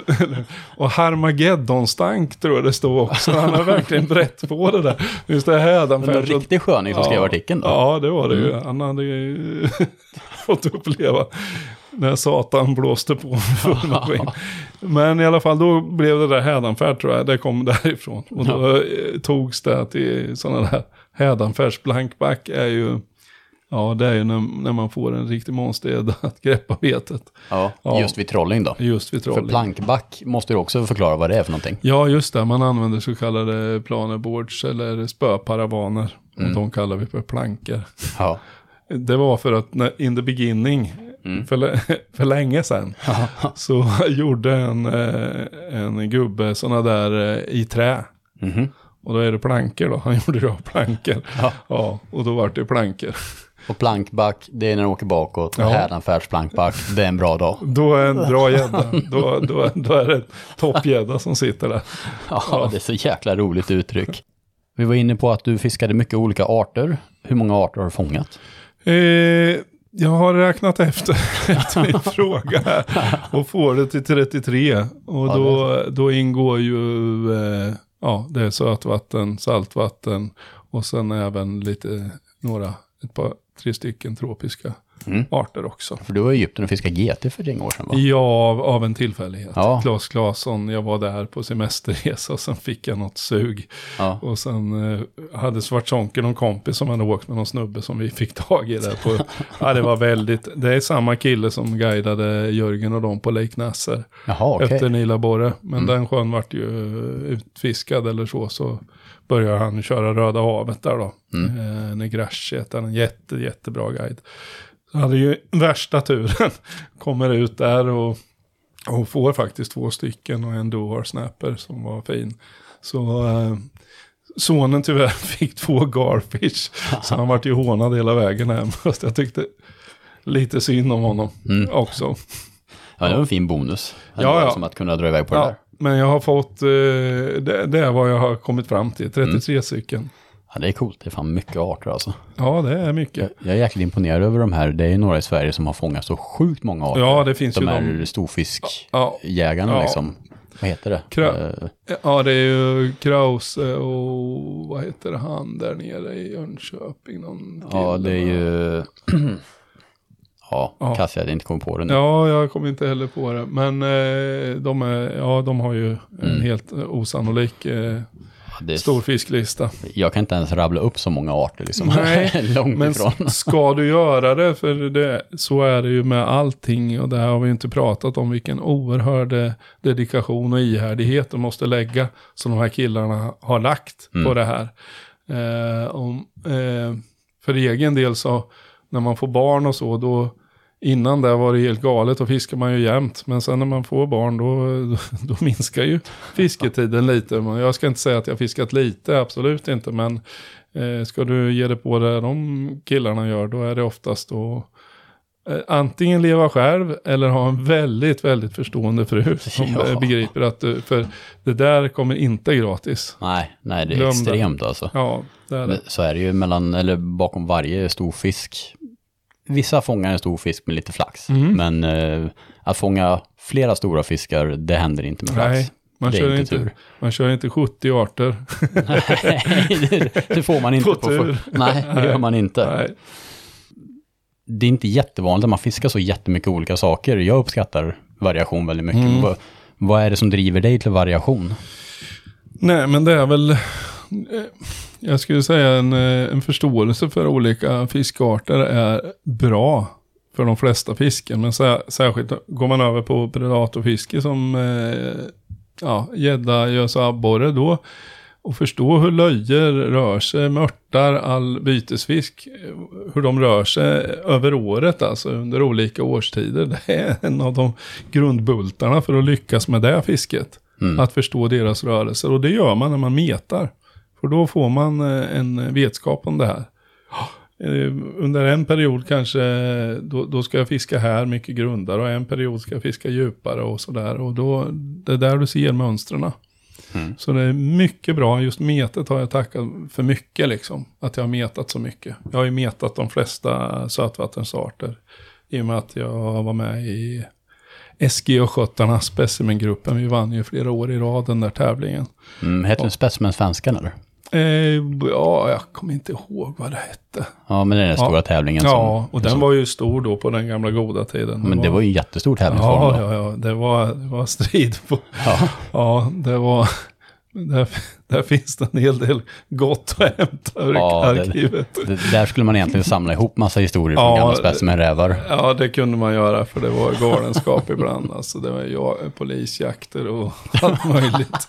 Så, Polisjakter. ja, vi hade en, en, eh, en, eh, vi åkte ner på en satsning hette det då. Då Mm. satsade vi och då skulle vi dra ål, stora ålar. Vilken del av Sverige gör man det i då, då på Ja, den tiden? eh, det, vi, i mitt område här så hade vi Svartån och, och andra sjöar uppe som, eh, eh, där de sätter ål då, och sen får man ju köra i nedströmsvatten där de ofta fastnar på grund av vandringshinder Ja. och växer sig stora då. Där kör man. Men just det här satsningen skedde nere i, i Heligå, där nere i, vid Gemla Mhm. eh, och eh, Växjö, eh, den trakten. Mm. Eh, för där var det stora ålar. och jag och Per hade gjort en för eh, då kan man säga. Vi hade åkt ner lite innan och kört ett pass och fått någon ål på över två kilo och ja, det kändes rätt. Men sen drog vi ner hela gänget och då snackade vi kanske om vi var en sju, åtta man som Mhm. åkte ner. Och Var det jag- hela specimengruppen då? Ja, eh, Ja. nej, nej, inte hela, men en del av. Ja. Det var väl en 30 man tror jag. Jäklar vad ja, många. Ja. Men den här natten är väldigt speciell för jag och sen Ingmar, en, ja, första natten då hände inget speciellt, men andra natten då drar det in ett av de värsta åskväder jag någonsin har upplevt. Och alla som fiskar ål vet att åskväder, då är det prime time. För då rusar ålen heter det. Att den rör sig väldigt när det kommer sån åska. Den, ja. eh, Då sticker de ner och fastnar oftast mot hindren. Och har man grejerna i där då, då kan det bli riktigt bra. Eh, och den där natten satt jag och sen en eh, kompis som heter Ingmar på vid en sån station. Så hade vi placerat ut oss. Eh, och sen helt plötsligt där vid halv tre, jag vågar knappt gå ut för det small hela tiden. Och jag sa, att, eh, hugger någon ut, jag vägrar att ta i spöna liksom. Det är inte bra att hålla i kolfiberspön när, när det går loss. Men eh, helt plötsligt då så drar det igång. Och då stillar det sig lite. Och sen är det helt galet, typ varenda spö går. Och jag bara springer och drillar, och har fina ålar också. Jaha, ja. Och samtidigt med det här så svänger en bil in med lyktorna på. Och ut stormar några av mina kompisar. In med grejerna omedelbart. Polisen kommer. och då... Och jag vägrar ju i princip. Det är det bästa läget ever, sa jag. Det kommer snart en jätteål här, två, tre kilo. Nej, det är inget att snacka om. In med skiten nu. Så jag fick panikspela in en ål på 1 och 8 genom att peka på den och veva allt vad jag orkade. Och sen in med det där och in i bilen då med alla grejer och värsta elen. Och sa, vad är det som har hänt? Ja, polisen har haffat Per och Kai. Va? Ja, och då var det ju så att eh, vi, i Växjö där så ägdes den där själva kraftstationen eller vattnet där av en greve. Ja, så han hade, och det där hade gått bra första gången vi var där, men nu hade han upptäckt att det var fiske där. Åkt ner och sett de här och då var det inget snack, det var, han diskuterade ingenting utan han hämtade polisen direkt. Så de hade ju åkt ner och konfiskerat all deras utrustning, lastades in.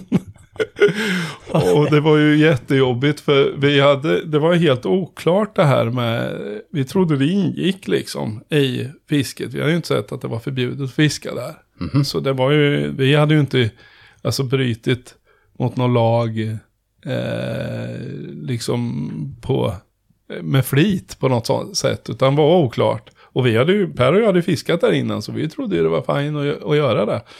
Men det var det inte. Men greven tyckte annat. Nej, greven tyckte annat. Så det, det, det vart en väldigt, väldigt tryckt stämning på vägen hem. Det var, vi hade ju fått några stora årar men det var inte så roligt eh, då med tanke på det som hände.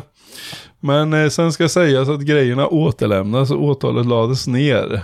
Eh, Det ansågs inte så prioriterat och det var väl att det inte hade varit något medvetet tjuvfiske på det här viset. Så det räddade sig.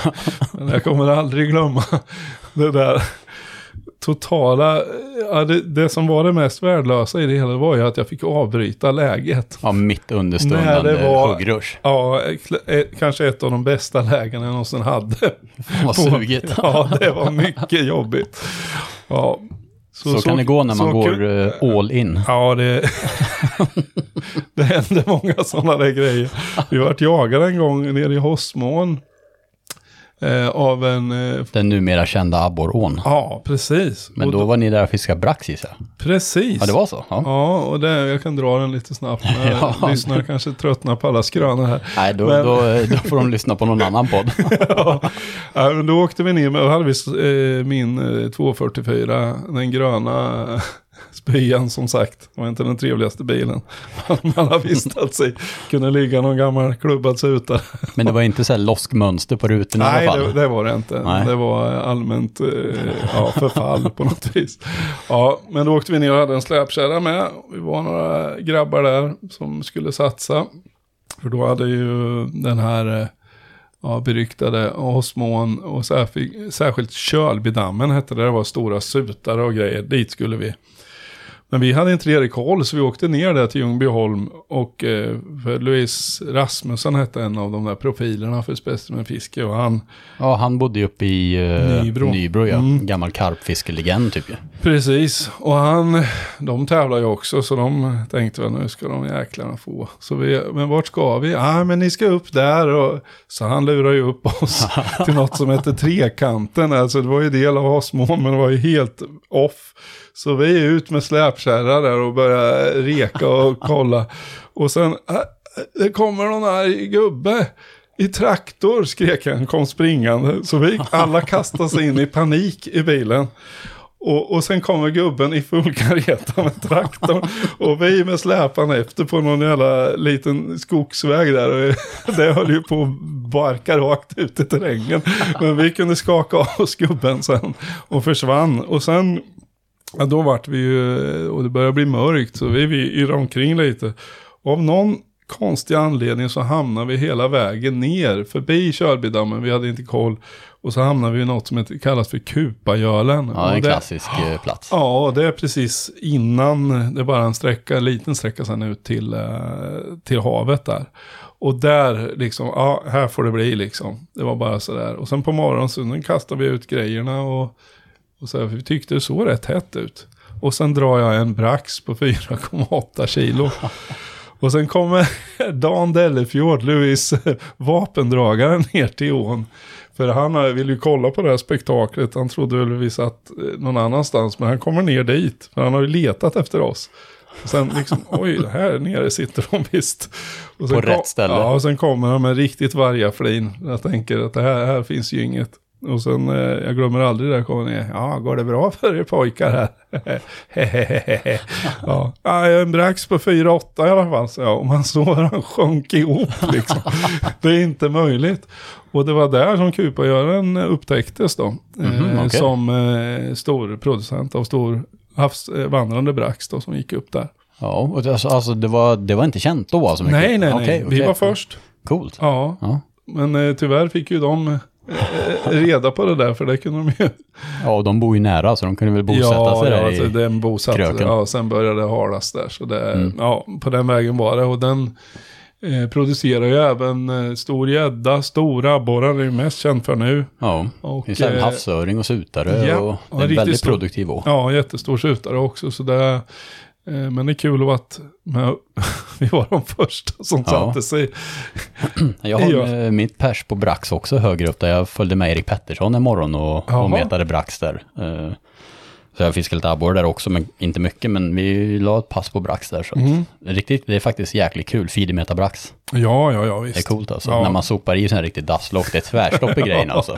Ja, jag har gjort det mycket. I, the, I begynnelsen så körde vi Svartån. Där var inte braxen lika storvuxen som där nere. Men eh, våra mäskmetoder var ju allmänt kända. Mhm. Det var ju att man tog eh, British groundbait, alltså vanligt ströbröd. Och så blandade man i mask och grejer. Men sen tog man en färsk rejäl kobladda.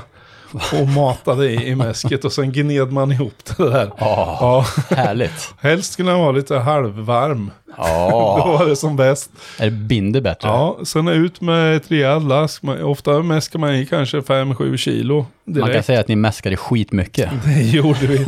Och det kom in skitmycket brax efter en timme. Så eh, det där var här då att det skulle blandas koskit i mäsket. Och efteråt har jag tänkt på, eh, var det verkligen nödvändigt? och solka ner sig på det här sättet. Ja, vad äckligt alltså. Ja, det var äckligt. Ja. Apropå sånt där då, din, din kära sambo här eh, visade mig dina linor i kylen och, och massa skumma grejer Ja, ja. Hon sa att Ja. gränsen går vid maggots här i kylen. ja, just det. Där är gränsen. Ja, hon tycker inte riktigt om det där. Nej, Nej. förståeligt. Ja vi, är ett, vi är ett lustigt släkte, Daniel. Vet du, det är ju så.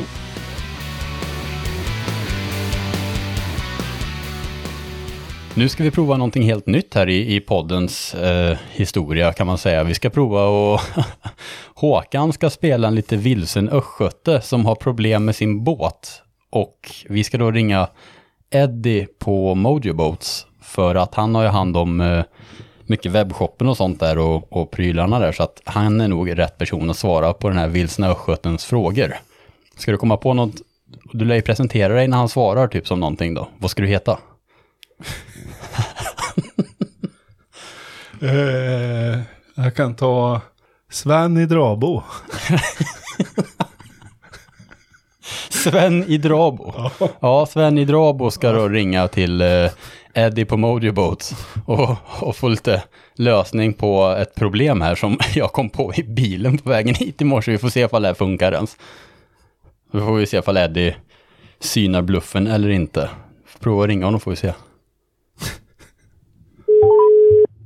Motorboat Eddie. Hej då! Det var Sven i Drabo. Säljer ni båttillbehör? Eh, ja, vad är det för tillbehör du är på jakt efter? Det är något vajsing med... När jag åker ut från brygga, då, det är som sjön lutar. Det ska tillbaka sen. Liksom, och sen när jag ska förtöja så vill båten drifta iväg. Jag tänkte om ni har någon sån här, vad heter powerpole eller något. Eh, ja, eh, jo, men det har vi. Eh, vad är det för båt och vad... Ja, det är det är lite eke, det är inte något stort. Jag har ju sex hästars på Jag tänkte Ja, att, för det, jag försökte med ett spett, vet du, det, det vek sig på något sätt. Så det vart inget bra. Men kan den sätta en sån där powerpole på det där?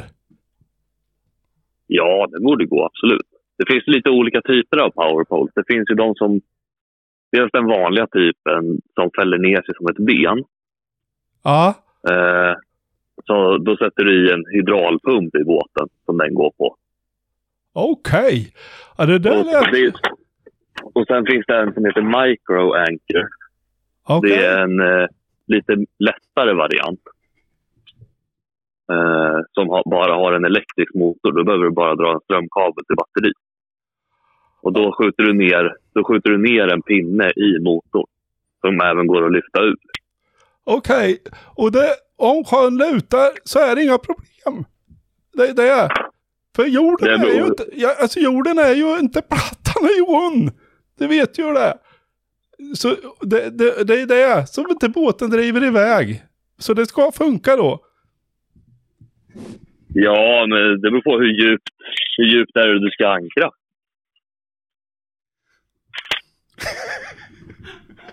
Nej, det går, det går inte.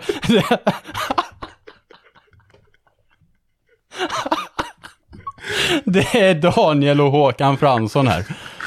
Ja, helvete vad fan. Din dumma jävel. Ja, vi tänkte vi skulle busringa och höra ifall sjön lutar, vad man ska ha för att hålla fast båten.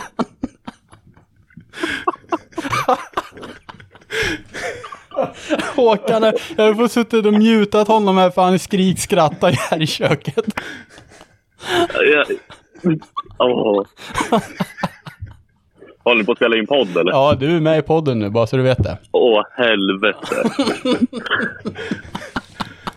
Det är något nytt segment jag ska ha, att mina gäster får busringa någon i branschen med något dum, dum grej alltså. Och, och du åkte ju på första försöket här.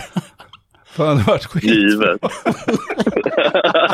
Fan vad seriös. Vilken Ja. service alltså. Det var det jag sa till Håkan, vi ringer Eddie. För först tänkte vi Albin, men nej vi ringer Eddie för han kommer vara jävligt seriös alltså. vad fan ska jag säga? Jag kan inte bara, nej men vad fan. Tänk på, tänk på att sjön lutar. Ja, det var där jag bara, vad fan.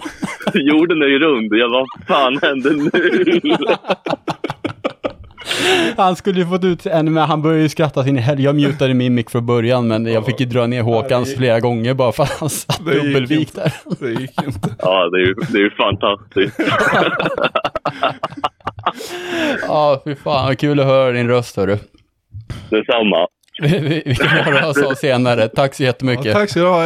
Ja, det är så lite så. Ha det bra. Ha det så bra. Hej då. Hej. Han gick ju hem. Det var ju svinkul ju. Jag tror att... Jag måste pausa så jävla. Jag höll på helt att tappa det. Han, gick, han var ju så jävla professionell. Det var ju ännu roligare. Det var ju det jag sa. Jag, och... jag visste att Eddie skulle vara superproffsig alltså. Det var ju det som var så roligt med honom också. Han kommer säkert åka dit på flera gånger med busringningar alltså. Åh jösses. Uff. Den där var... Ja, det där var jävligt kul alltså. Barnsligt roligt. Ja, det, där- det kommer nog bli roligt om man lyssnar på det sen. 100 procent. Ja. Det är gammal eka. En sex hästar. Går det att dra på en sån? Jag kan se den med stor power på det. Nu är det färdiglutat.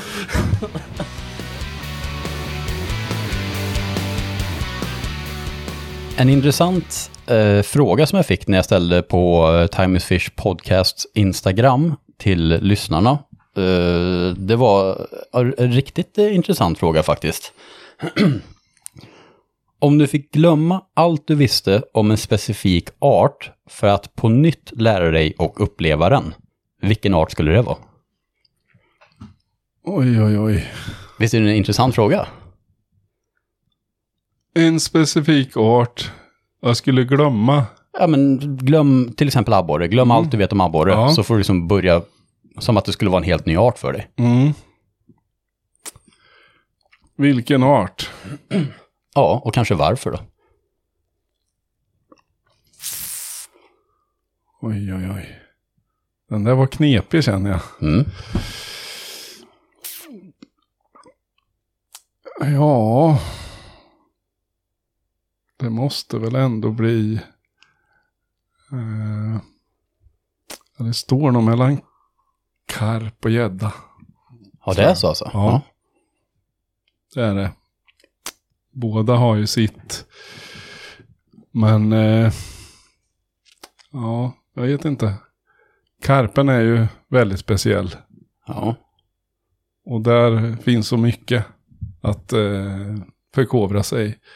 Men sen samtidigt abborren. Mm. Ja, kanske abborren ändå. Med alla, alla tricks. Jag, jag tycker abborre, ja det blir nog abborren Ja, helt är så, plötsligt. så. ja, det är en fisk som eh, man kan ha så jädra mycket olika tricks. Visst, det kan vara för många olika fiskar naturligtvis, men ingen är nog samma abborren till olika metoder. Mm. Att det finns så väldigt mycket olika metoder att köra.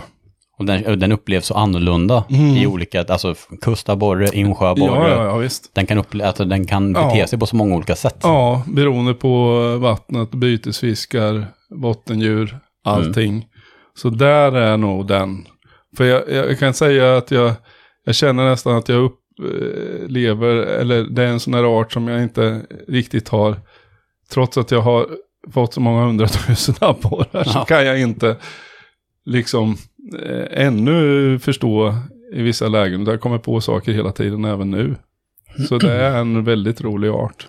Det känns ju som det att abborrfisket, eh, pratar jag med ja, både Adam och, och Mikko och sådär, men det känns ju som att abborren växer ju som art väldigt mycket hos oss, att vi upptäcker den som art Mm, mm. väldigt mycket just nu, även om abborre har varit populär väldigt länge, men det känns som att det är först nu, sista åren, som vi har lärt oss jättemycket om den. Mm. Och vi lär oss fort, fortsatt väldigt mycket om den. Så är det. Så är det. Man, man hittar alltid nya infallsvinklar och grepp för att och liksom kunna lura dem även när det ser som sämst ut. Mm. Och mitt eget abborrfiske har särskilt utvecklats, kan jag säga, sista tre, fyra åren egentligen. När jag har verkligen gått in för det. Mm. Innan var det mest, man körde sina gamla rutiner. Med lite jiggar och lite, ja. Man hade sina, sina beten egentligen, det är det här jag kör. Men sen när man verkligen gav sig den på att nu ska jag liksom, och helst utforska många olika vatten som jag har hållit på med. Mm. Så då, då, då har det kommit mycket med de här nya teknikerna som man har anammat och, och lärt sig.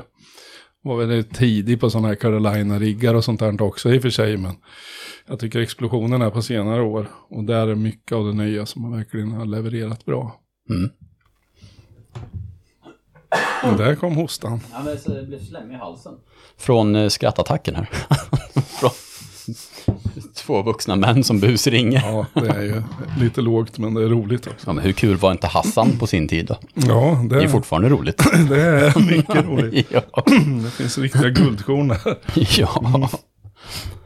ja, men det var väl bra. Jag trodde, jag trodde faktiskt att du skulle säga abborren eh, när jag själv fick spekulera i det. Eh, lite antiklimax att du valde abborre. Ja, jag tänkte, Men, eh, det- jag, jag tänkte inte riktigt till där i början. För de två andra arterna kan man också. Men eh, nej, abborren är nog den som man kan. Ja, det, den man kan köra flest olika metoder på. Och, ja, det är en spännande art så. Den är mycket större än vad man har trott. Ja, ja. Alltså själva hela grejen, konceptet kring abborre, så det är spännande.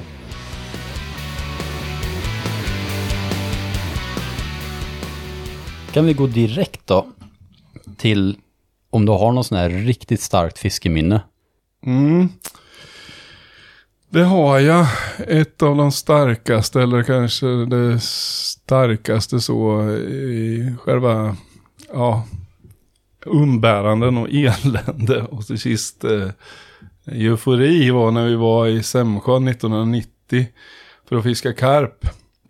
Eh, på den tiden då hade precis karpfisket slagit till på riktigt och vi hade de där grejerna vi Ja, man fick ju baka sina egna beten men man kunde köpa lite och så. Men det hade slagit till lite här i Sverige och, och just den sjön vart ju lite känd.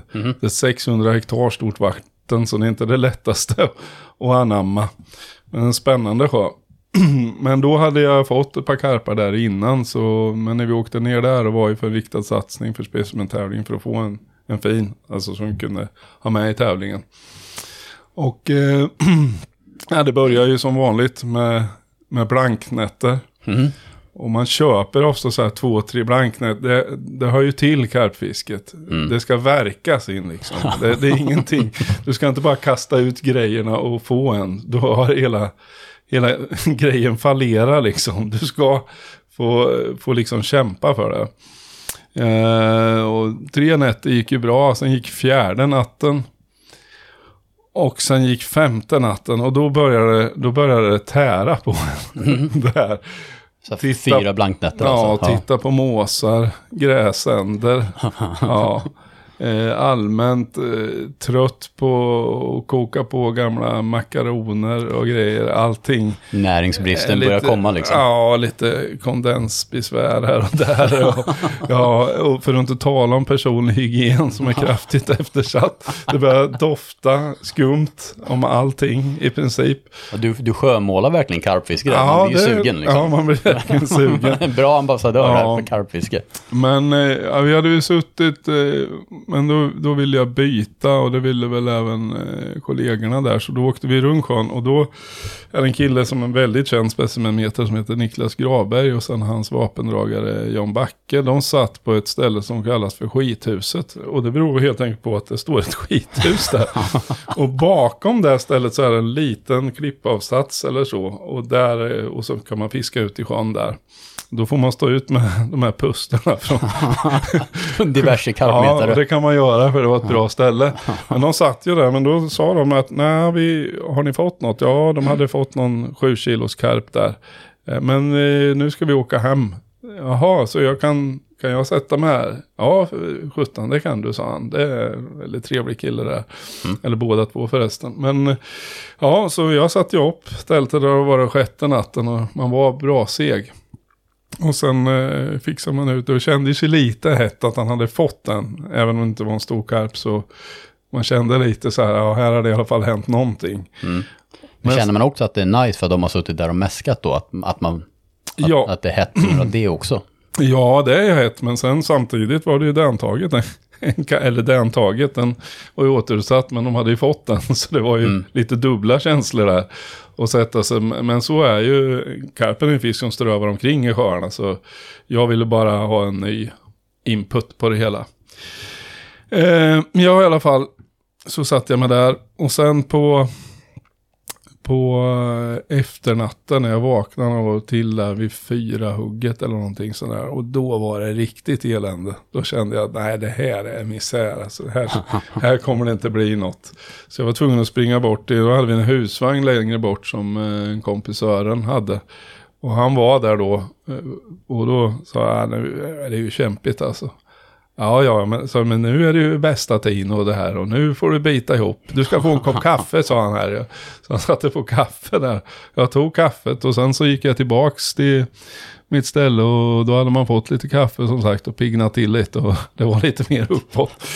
Så jag satte mig där och sen, eh, ja, det var en 45 minuter senare då, då får jag ett sånt där jätteskumt napp. Eh, oftast ett karpnapp, brutala. Det är elektro- elektroniska alarm för er som inte eh, Är det sånt som kallas för screaming take? Ja, precis. När det bara drar. Ja, då går pulserna för linan går så snabbt som de går i ett och då är det ett konstant ljud från. Men här gick det inte så, utan det gick väldigt långsamt. Pip, pip, pip, pip, pip. Och sen hade jag ju en, eh, en typ som en ring eller något på linan där då, som åkte liksom långsamt upp och ner så här. Hette inte de Monkey Climber? Ja, fast jag hade nog, jag hade nog inte det. Jag hade nog någon vanlig ring. eh, Jag försöker bara flexa med mina väldigt Ja, ja. limiterade karpfiskekunskaper. Ja, precis. Men i alla fall, det var ett sånt där som vi brukar kalla för bracksnapp. För de håller på sådär när de plockar med grejerna och man blir så förbaskad på dem där. för det var gott om brax i sjön. Men till slut, jag går fram till spöet och det bara går sådär jättelångt. Och, och sen tänker jag, äh, nu gör jag mothugg. Och drar till i spöet och det är helt stumt. Det liksom rör sig ingenting. Och sen eh, drar ju fisken iväg då och sen var det fullständigt mayhem där ute. Ja. Och jag gick ju igång och de andra kompisarna vaknade ju till det med så det vart ju uppståndelse. Sen kommer de ner och sen när de hovar den då utbrister stort jubel för då inser man att det här är typ en av sjöns största individer som har ramlat in i, i hoven då. Och det var den, den vägde 13,75 då. Och eh, på den tiden var den en jäkligt stor karp och till och med sjörekord. Jaha, var coolt. den en kort Ja. stund där. Så den euforin man kände då och sen att hela gänget vart samlat. Vi var ju en 10-12 man där som var sam- samlades kring den där då. Mm. Eh, och få uppleva det, det var jäkligt kul alltså. Det skithuset. glömmer jag aldrig. Ja, det är ungefär som man sätter bollen i en viktig fotbollsmatch. ungefär, liksom, den där känslan att eh, mm, det, det är väldigt starkt minne. Kul grej. Ja, men han, Niklas Graberg, han, han hade väldigt svårt att ta det att han hade lämnat platsen en dag innan Hur länge hade de suttit där? Ja, de hade väl säkert suttit en fyra, fem dagar. Ja. Ja. Men just att de lämnar och sen kommer sjöns största individ natten efter och greppar mina grejer. Så ja, det är lite se- Det segt. var Kul så. Ja, men det är ett starkt minne. Ja. Roligt minne. Vid det berömda skithuset. Ja, ja alltså det, hela det där eh, Sämsjö-konceptet med karpfisket var väldigt roligt. Mm. Jag kommer ihåg en gång då kom vi ner till ett ställe och då ser vi en 245 där som är helt igenimmad. Alltså du ser inte in och det var varmt och stekte på. Och vi tänkte, för det där är väl Nordenbergs bil va? Och herregud tänkte jag, det är ju en död man som ligger där inne. så vi springer ju fram och sliter upp dörren. Och då tittar han hade ju sådana här briller vet så han tittar upp så är det helt immat. Här. ja, och han bara liksom harklar till så här, ja, ja, lever du liksom? Ja, och sen slås den här stanken av gammal karpfiskare emot den. Alla de här fruktansvärda kalsongodörerna som Ja. uppstår. Och, och allting. Så det höll ju på att vomera utanför bilen. Och han vinglar ut. Riktigt sömndrucken och undrar vad helsike vi styr med. Men vi var ju rädda att han hade dött där inne liksom. Han var bara vänta på natt. Ja, han, han, nej, han hade sovit. eh, Han låg väl och sov efter nattens väntande. Ja, Ja, karpfiske ja, alltså. det är väldigt speciellt, det kan man lugnt säga. Ja.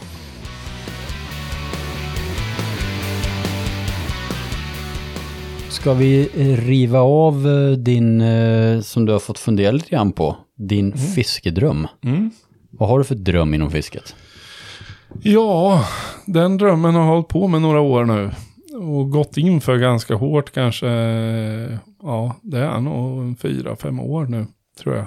Som jag har jobbat riktigt hårt med det. Nu har jag ju en liten dotter så den, hon har tagit mycket tid. Men den tiden jag har haft för privat fiske har i mångt och mycket varit jakten på att försöka få en två kilos insjöabborre. Mm. Jag har eh, i, i princip valt bort det här att åka ner till eh, Kalmarsund eller för att få en stor, bara för att få en två kilos abborre. Utan jag vill mycket hellre ta den i, i insjö. Det är rimligt. Ja, jag vill ha den här och eh, för två år sedan var jag riktigt nära. När jag fick en, eh, då, det bästa för att kunna ha chansen det är att försöka rikta fisket i april. Innan fisken precis leker, den leker i månadsskiftet april-maj. I de flesta av mina sjöar här hemma. Och eh, då lyckades vi pricka det där. Vi fick bara två fiskar den dagen, men en kompisen fick en på ett och ett och jag fick en på 1880 som är mitt personliga rekord. Ja, det, är, Ja. det är en stor insjöborre Ja, alltså. det var en fantastisk, den tog på en liten eh, eh, näddfiskad kräfta också. Mm. Det var så segt. och typ på nio meters djup med. Och så, Ja, blå, och så blåste det med. Så allting, det var så svårt. Eh, men eh, när den kom upp i hoven då eh, ylade junioren som jag kallar den Oskar att nu var det nog två kilos dags ändå. Och när jag tittar ner i hoven då trodde jag verkligen att, den, att det var en två kilos abborre för den Hur lång var den? 51 centimeter. Ja, den var så lång. Och Den var hög och fin, men någonting fattades i ryggbredden på den. Vi vägde den tre gånger på två olika vågar. Ja, Men det, det var 1880, så det, jag vill verkligen förvissa mig om i de lägena att, att det ska stämma. Mm. Ett PB ska vara ett PB och, Ja. och rätt vägt. Ingenting får att eh, liksom eh, ha att det skulle vara något strul med vågar och sånt där. Så jag har ofta två eller tre vågar med mig. Så att det ska bli rätt då. Men eh, det är en fantastisk abborre, jag är jätteglad för den. Men 120 gram ifrån kändes lite så, sådär. Men på en abborre är det en del ändå. Det ska Och man hur, veta. hur vill du ta den här tvåan om du liksom får drömma fritt där då? Vad är det på för metod? Är det en seg dag? Vad är det för scenario liksom? Ja, Om du skulle, får välja. skulle man välja någonting som skulle vara helt otroligt, det vore ju att få den på pimpel. Det är så alltså? Ja. Ja, det skulle vara fantastiskt kul. du skulle helst ha den på pimpel alltså? Mm, jag tror nästan det, för det är en... Eh, det är knepigt. Eh, och sen just att ta den från is, är det inte vanligt. Två Nej, kilos fångade från is är väldigt, väldigt sällsynta. Ja. Så det vore, det vore nog topp. Ja. Är sen- det på sen- en balanspirk då eller är det på någon superfiness mormyrska eller vad? Nej, nej, jag kör inte mycket mormyrska. Det, det fisket gör inte jag just på abborre. Men eh, gärna skulle det väl vara på en av mina egenhändigt gjorda krokar.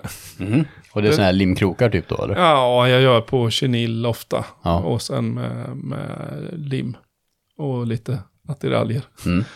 Frugan kallar det för julpyssel. Alltså, vuxenpyssel. ja, precis. Hon sitter där och håller på och knapar. Ja, Mm. Nej, coolt. Mm. Ja, det var, det, det var förvånande faktiskt. Det trodde jag inte, men eh, Mm. förståeligt ändå när jag hörde. Mm. Coolt. Ja, det Coolt. vore skoj.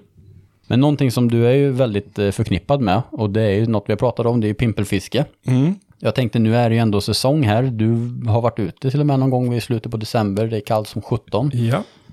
Är det inte lite läge att du kommer med några tips? Har du fem, fem pimpeltips Det, för folk som är nyfikna? det kan jag absolut ge. Mm. Jag var ute faktiskt igår och gjorde premiär på en rätt sjö som det heter. Mm. Och eh, det vart en abborre på ett och två, en på ett och ett för mig. Så jag var jätte, jätteglad. jäklar. Fina Sjukt fina Ja, mycket, mycket, mycket skoj.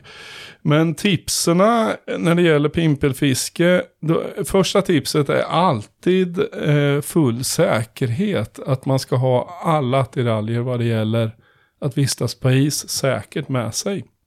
Ispik, livlina, isdubbar, gärna flytväst. Mm. Eller i de fallen där det är riktigt sådär gränsfall, då kan man använda som jag har gjort torrdräkt då. Det har jag gått igenom isen med och vet hur, hur bra det är. Eh, Hade inte du också en kompis som hjälpte dig med säkerheten här också? jo, ja, i, ja, Berätta, Ja. berätta hur ni gjorde då. Det, Ja. det är också ett sätt. ja, Kai går först, han är tyngst. Så kan man också göra. då, då, då, får man, då får man svar. Ja, skämt åsido, men full säkerhet, det är det som gäller. Ha med grejerna om ni är osäkra och alltid egentligen eh, de grejerna som behövs för att ni, om olyckan skulle vara framme. Och försök om möjligt att inte gå själva på isen, utan ha alltid någon vän med sig. Och sen att ni inte går ihop. Det är ett vanligt man ser även på sådana isar som är lite osäkra, att folk kan gå ihop. För då är stor risk, ramlar ni båda i vattnet så kan inte den andra hjälpa, utan ha alltid ett avstånd mellan er. Och gärna då att en går först och den andra går efter och inte sidledes, för isen kan gå i kanter. Så då kan det lika, även om ni har 10 meter och går sidledes jämte varandra, så kan ni dråsa i samtidigt. Mm. Utan en först och den andra efter. Störst först. Ja, störst först, det vet ni. Ja, men Ja. det är jättebra tips faktiskt. Och sen är det tips för själva fisket då. Den grundregeln eh, regel när man pimplar. Och det är att man skickar ner pirken och så slår man den tre gånger brukar jag göra i botten.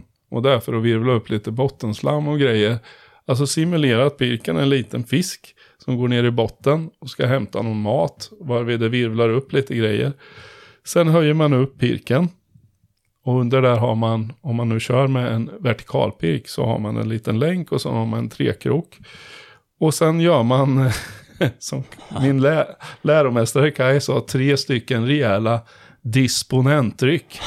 och det är att man gör tre kraftiga lockryck med spöet. Eh, där pirken verkligen får jobba ut i sidled och sen pendla in.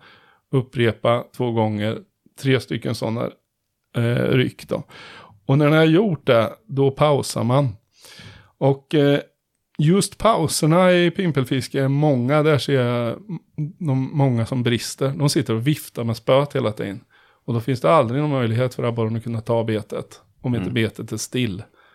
Det är precis samma som när jiggfiskar. När du kör aktivt upp med spöet för att jigga upp jiggen.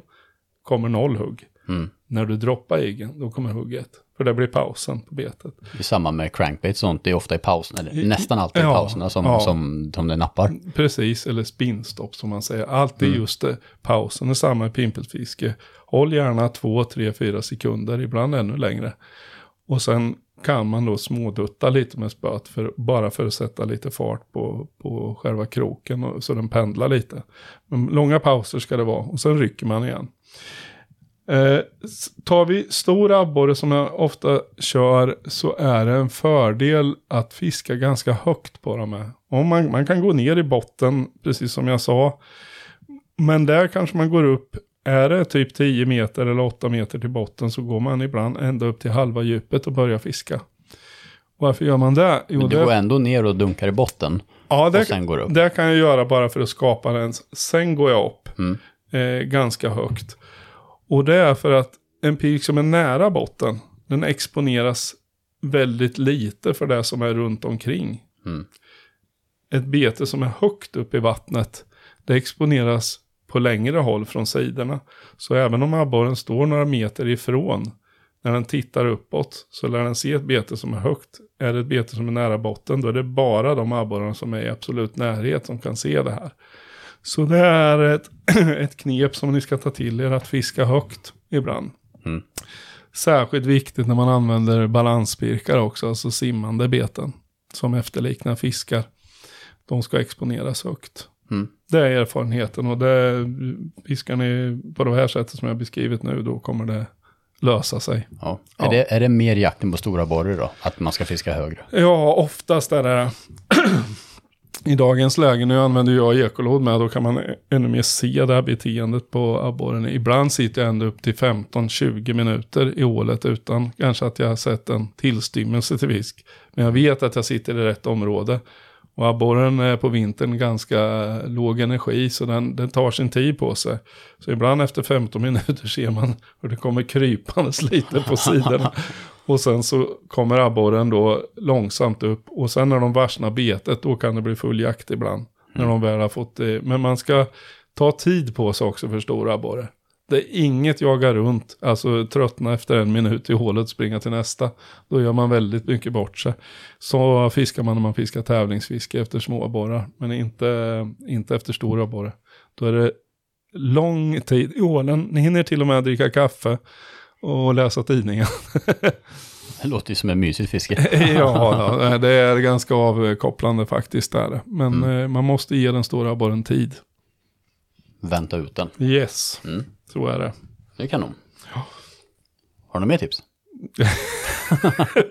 På pimpel? Ja. Ja, tipset kan ju vara med att se till att man har, eh, som jag kör nu, har jag pulker och sånt här, att man har, så man slipper bära ihjäl sig. Utan man kan ha, särskilt om ni går efter stora abborre, att man har en pulka och dra grejerna i. Det är jätte, jättebra.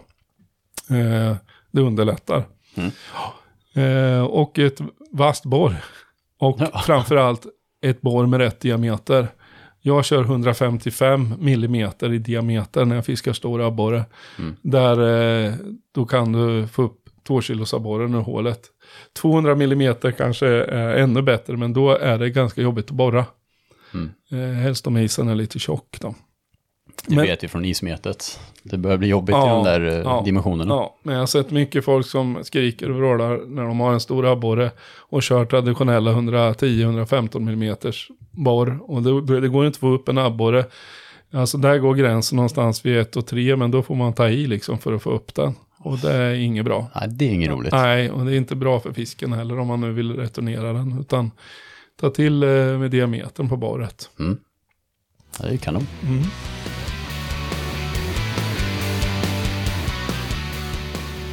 Jag vill avsluta med en liten uh, ytterligare, för du sitter ju på så jäkla mycket historier och, och lustiga berättelser. Du har väl någon, någon mer rolig historia här du nämnde förut till Mm. mig, som Eh, jag tycker vi kan avsluta podden med.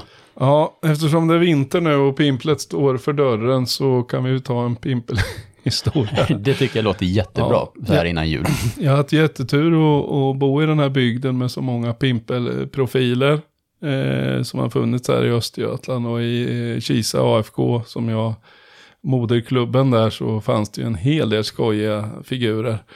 Bland annat hade vi, bland annat hade vi en, en gubbe som kallades för Sothörna. Eh, det, eh, han var, jag vet inte det där om när han varit lite grå av all rökning. det, det var därför. Men han var väldigt eh, profilstark. Jag minns en gång när vi var uppe på eh, en av eh, eh, eh, uppe i Väsby. Uppe i skogen här. Så eh, var det Kai. Och så var det Arne, en annan Arne Claesson. Och så var det Sothörna och så var det jag. Och till saken hör nu att Sothörna var inte eh, världens bästa pimpelfiskare. Han var nog snarare den totala motsatsen Det till var det. så illa. Ja, en del har det inte liksom. De har väl inte gått all in eller lyckats och sen fortsätter de och det blir bara värre och värre ju mer de anstränger sig. Det är kvicksandeffekten. Ja, och just den här dagen så jag körde bilen tror jag. För Kaj och Arne de tog sig ett par stänkare där ute. Det var ju vanligt på den tiden när man pimplade ibland att eh, det åkte med lite starkt. Mm. Ja, så jag fick köra. Och sotarna var tokladdad som vanligt. Eh, skulle ut så. Eh, men Kaj Arne de gick bort en bit och jag satte mig. Och he- helt plötsligt så får jag ett riktigt bra hål och välter upp två stycken över kilot en 8 hektars abborre. Ja. Och sotarna sitter ju en bit bort och ser det där. Så han kommer ju efter jag lastat upp åtta hektar, så nu kommer han springande och tänker, ja nu vill han se på abborrarna här liksom. För då på den tiden tog man ju upp dem liksom och ja. Och han kom, men han springer förbi abborrarna som ligger en liten bit från hålet. Och sen bara tar han fram en sommenpik på 70 millimeter. Med en enkelkrok, storlek typ 1-0 med en stor fläskbit på och bara kastar ner i hålet. Och så säger han, nu jävlar ska du få se på fan. I ditt hål? I mitt hål, ja. Han tappade. Och naturligtvis så var det fönstret stängt efter det där. Och det slutar inte där. För jag blev ju något eh, smått uppspelt. Du, det måste ju vara ett jättestort nej. Ja, ja. Alltså det gör man ju inte. Nej, det gör man ju inte. Men, men eh, jag, jag bet ihop på något vis. Men sen eh, vi pimplade vidare. Det var inget mer sånt hål ska sägas på hela dagen. naturligtvis. Körde han på en fläskbit på den där? Ja, ja visst. En rejäl, en rejäl svår bit. var det. Någon annan som använde fläsk och betade? Nej, men inte ofta. Nej. Nej. Men i alla fall, sen sitter jag borta på sjön och då har jag ju dragit lite mindre abborre. Så kommer han efter en stund. Hörru, hörru Håkan, sa. Kan, kan jag få en abborre av det? Ja, vadå? Av de här små? Eh, ja, kan jag få en? Ja, det kan du. Vad ska du ha den till? Ja, jag måste bort till Kaj och Arne och visa att jag fått något, annars blir det ett helvete ikväll. Så han sprang bort med den där abborren. Och, och jag hörde ju nu, nu ska ni få se här. Det var ju typ en 50 grams abborre. Men sen sa Kaj till mig när vi, när vi hade släppt av han. Så sa han så här, jag vet nog var den där abborren kom ifrån. Så. Ja, Vilken jäkla sköning. Ja, han hade inte, han hade tydligen en, med sig en perm ut vid ett annat tillfälle. Då satt de på stor grinna i Åsunden. Alla hivabborrar utom sotarna. ja, men rätt vad det var hade han bläddrat i den permen och sen hade han gått satt sig mitt i klungan och sa nu jäklar ska ni få se här. Och vridit ner, då hade han en stor pik, sen hade han upphängare, typ fem stycken som hade knutit in sådana här rosa, gula, gröna påskfjädrar på. Och vräkte ner i håret. Och det var också lights out. Ingen hade menat. Så han kunde verkligen konsten att dominera, fast på fel sätt. Så det är, det är en rolig, rolig historia. Fy fan, en man i des vid desperationens ruin. Ja, ja, man har fått nog. Nej, men det är, han är hädangången nu. Och så, inget ont av honom, men han hade inte, han hade inte riktigt feelingen för pimpelfiske. Ingen fin lir direkt. Nej, han... 1-0 och fläsksvål. Låter mer som att man ska pimpla laken. Ja, ja, liksom. det kan säkert komma undan med någon gång. Men, men eh, nej, det var lite för, för mycket. Ja, vilken jäkla sköning ändå alltså. Mm. Oj, jag är alldeles eh, matt i, i eh, skrattmuskulaturen det just nu. finns mycket. Ja, herregud. Ja, Håkan, det var ju fantastiskt kul att ha med dig i podden. Mm. Det var roligt att vara med, ska jag säga det. det var kul. Ja. Jag tror att eh, många lyssnare kommer att uppskatta det avsnittet och så få sig gott skratt både på jobbet och på väg till jobb. Ja, det är ju själva huvudsaken. Det ska Ja. vara roligt att leva. Absolut. Så, eh, Men om man nu vill eh, komma i kontakt med dig när det kommer till guidningar ja. eller till eh, kommande föreläsningar och kurser, Mm. hur gör man bäst då? Ja, jag har hemsidan nu under konstruktion och Mm. den eh, är klar men jag har inte lagt dit posterna. Nu är det hakanfransson.se. Mhm. Söker man in på, kommer man på min hemsida. Ja. Där ska ligga alla priser, alla event, ja, allt som har med mitt företag att göra där. Mm. Så där kan man gå in på. Sen kan man kolla min Facebook-sida. Mm. Och man kan kolla min eh, em, Instagram. Mm. Och då är det ju snabela Fransson Hakan Mm. eh, som gäller. Eh, tydligen ligger någon gammal profil där, men snabela Fransson Hakan Instagram. Mm. Där får man gärna gå in och följa och, och sådär. Och där kommer, lägger jag också upp med, med saker. Och man kan kontakta mig på eh, de eh, meddelande förfrågningar där. Ja. Och även på FBV Messenger om man är intresserad. Det är ju kanon. Och apropå Hakan, då tycker Ja. jag att du eh, sjunger lite ifrån Eddie Medusas låt Hakan och så avslutar vi med det. Får du citera Eddie Medusa här med en liten trudelutt. Kör bara, kör. Jag, vet att du kan inte- sjunga. Jag kan inte just den. Kan du inte den? Ja, och jag har inte, jag har inte betalat Steam-licens, så jag tänker jag kan inte spela upp den heller tyvärr. Nej, men eh, Eddie Medusa, Ja, stor man. Eh, jag kan säga så här. Jag har slitit och jag har släpat för att få, få det att gå ihop. Sen kommer fogdefan och snyter alltihop. Socialdemokraterna, där har ni en klassiker av Eddie Meduza. Han var en stor, han, hade, han var en stor diktare och estradör. Mm. Jag växte upp med, med Eddie Medusa i, eh, i mina öron när jag växte upp i Västergötland, så jag är väl bekant med honom. Ja, ja, ja, visst. Du Håkan, Ja. tack så jättemycket för att du var med och gästade podden. Ja, tack så bra. Tack så mycket för att ni har lyssnat allihop. Ha det så bra.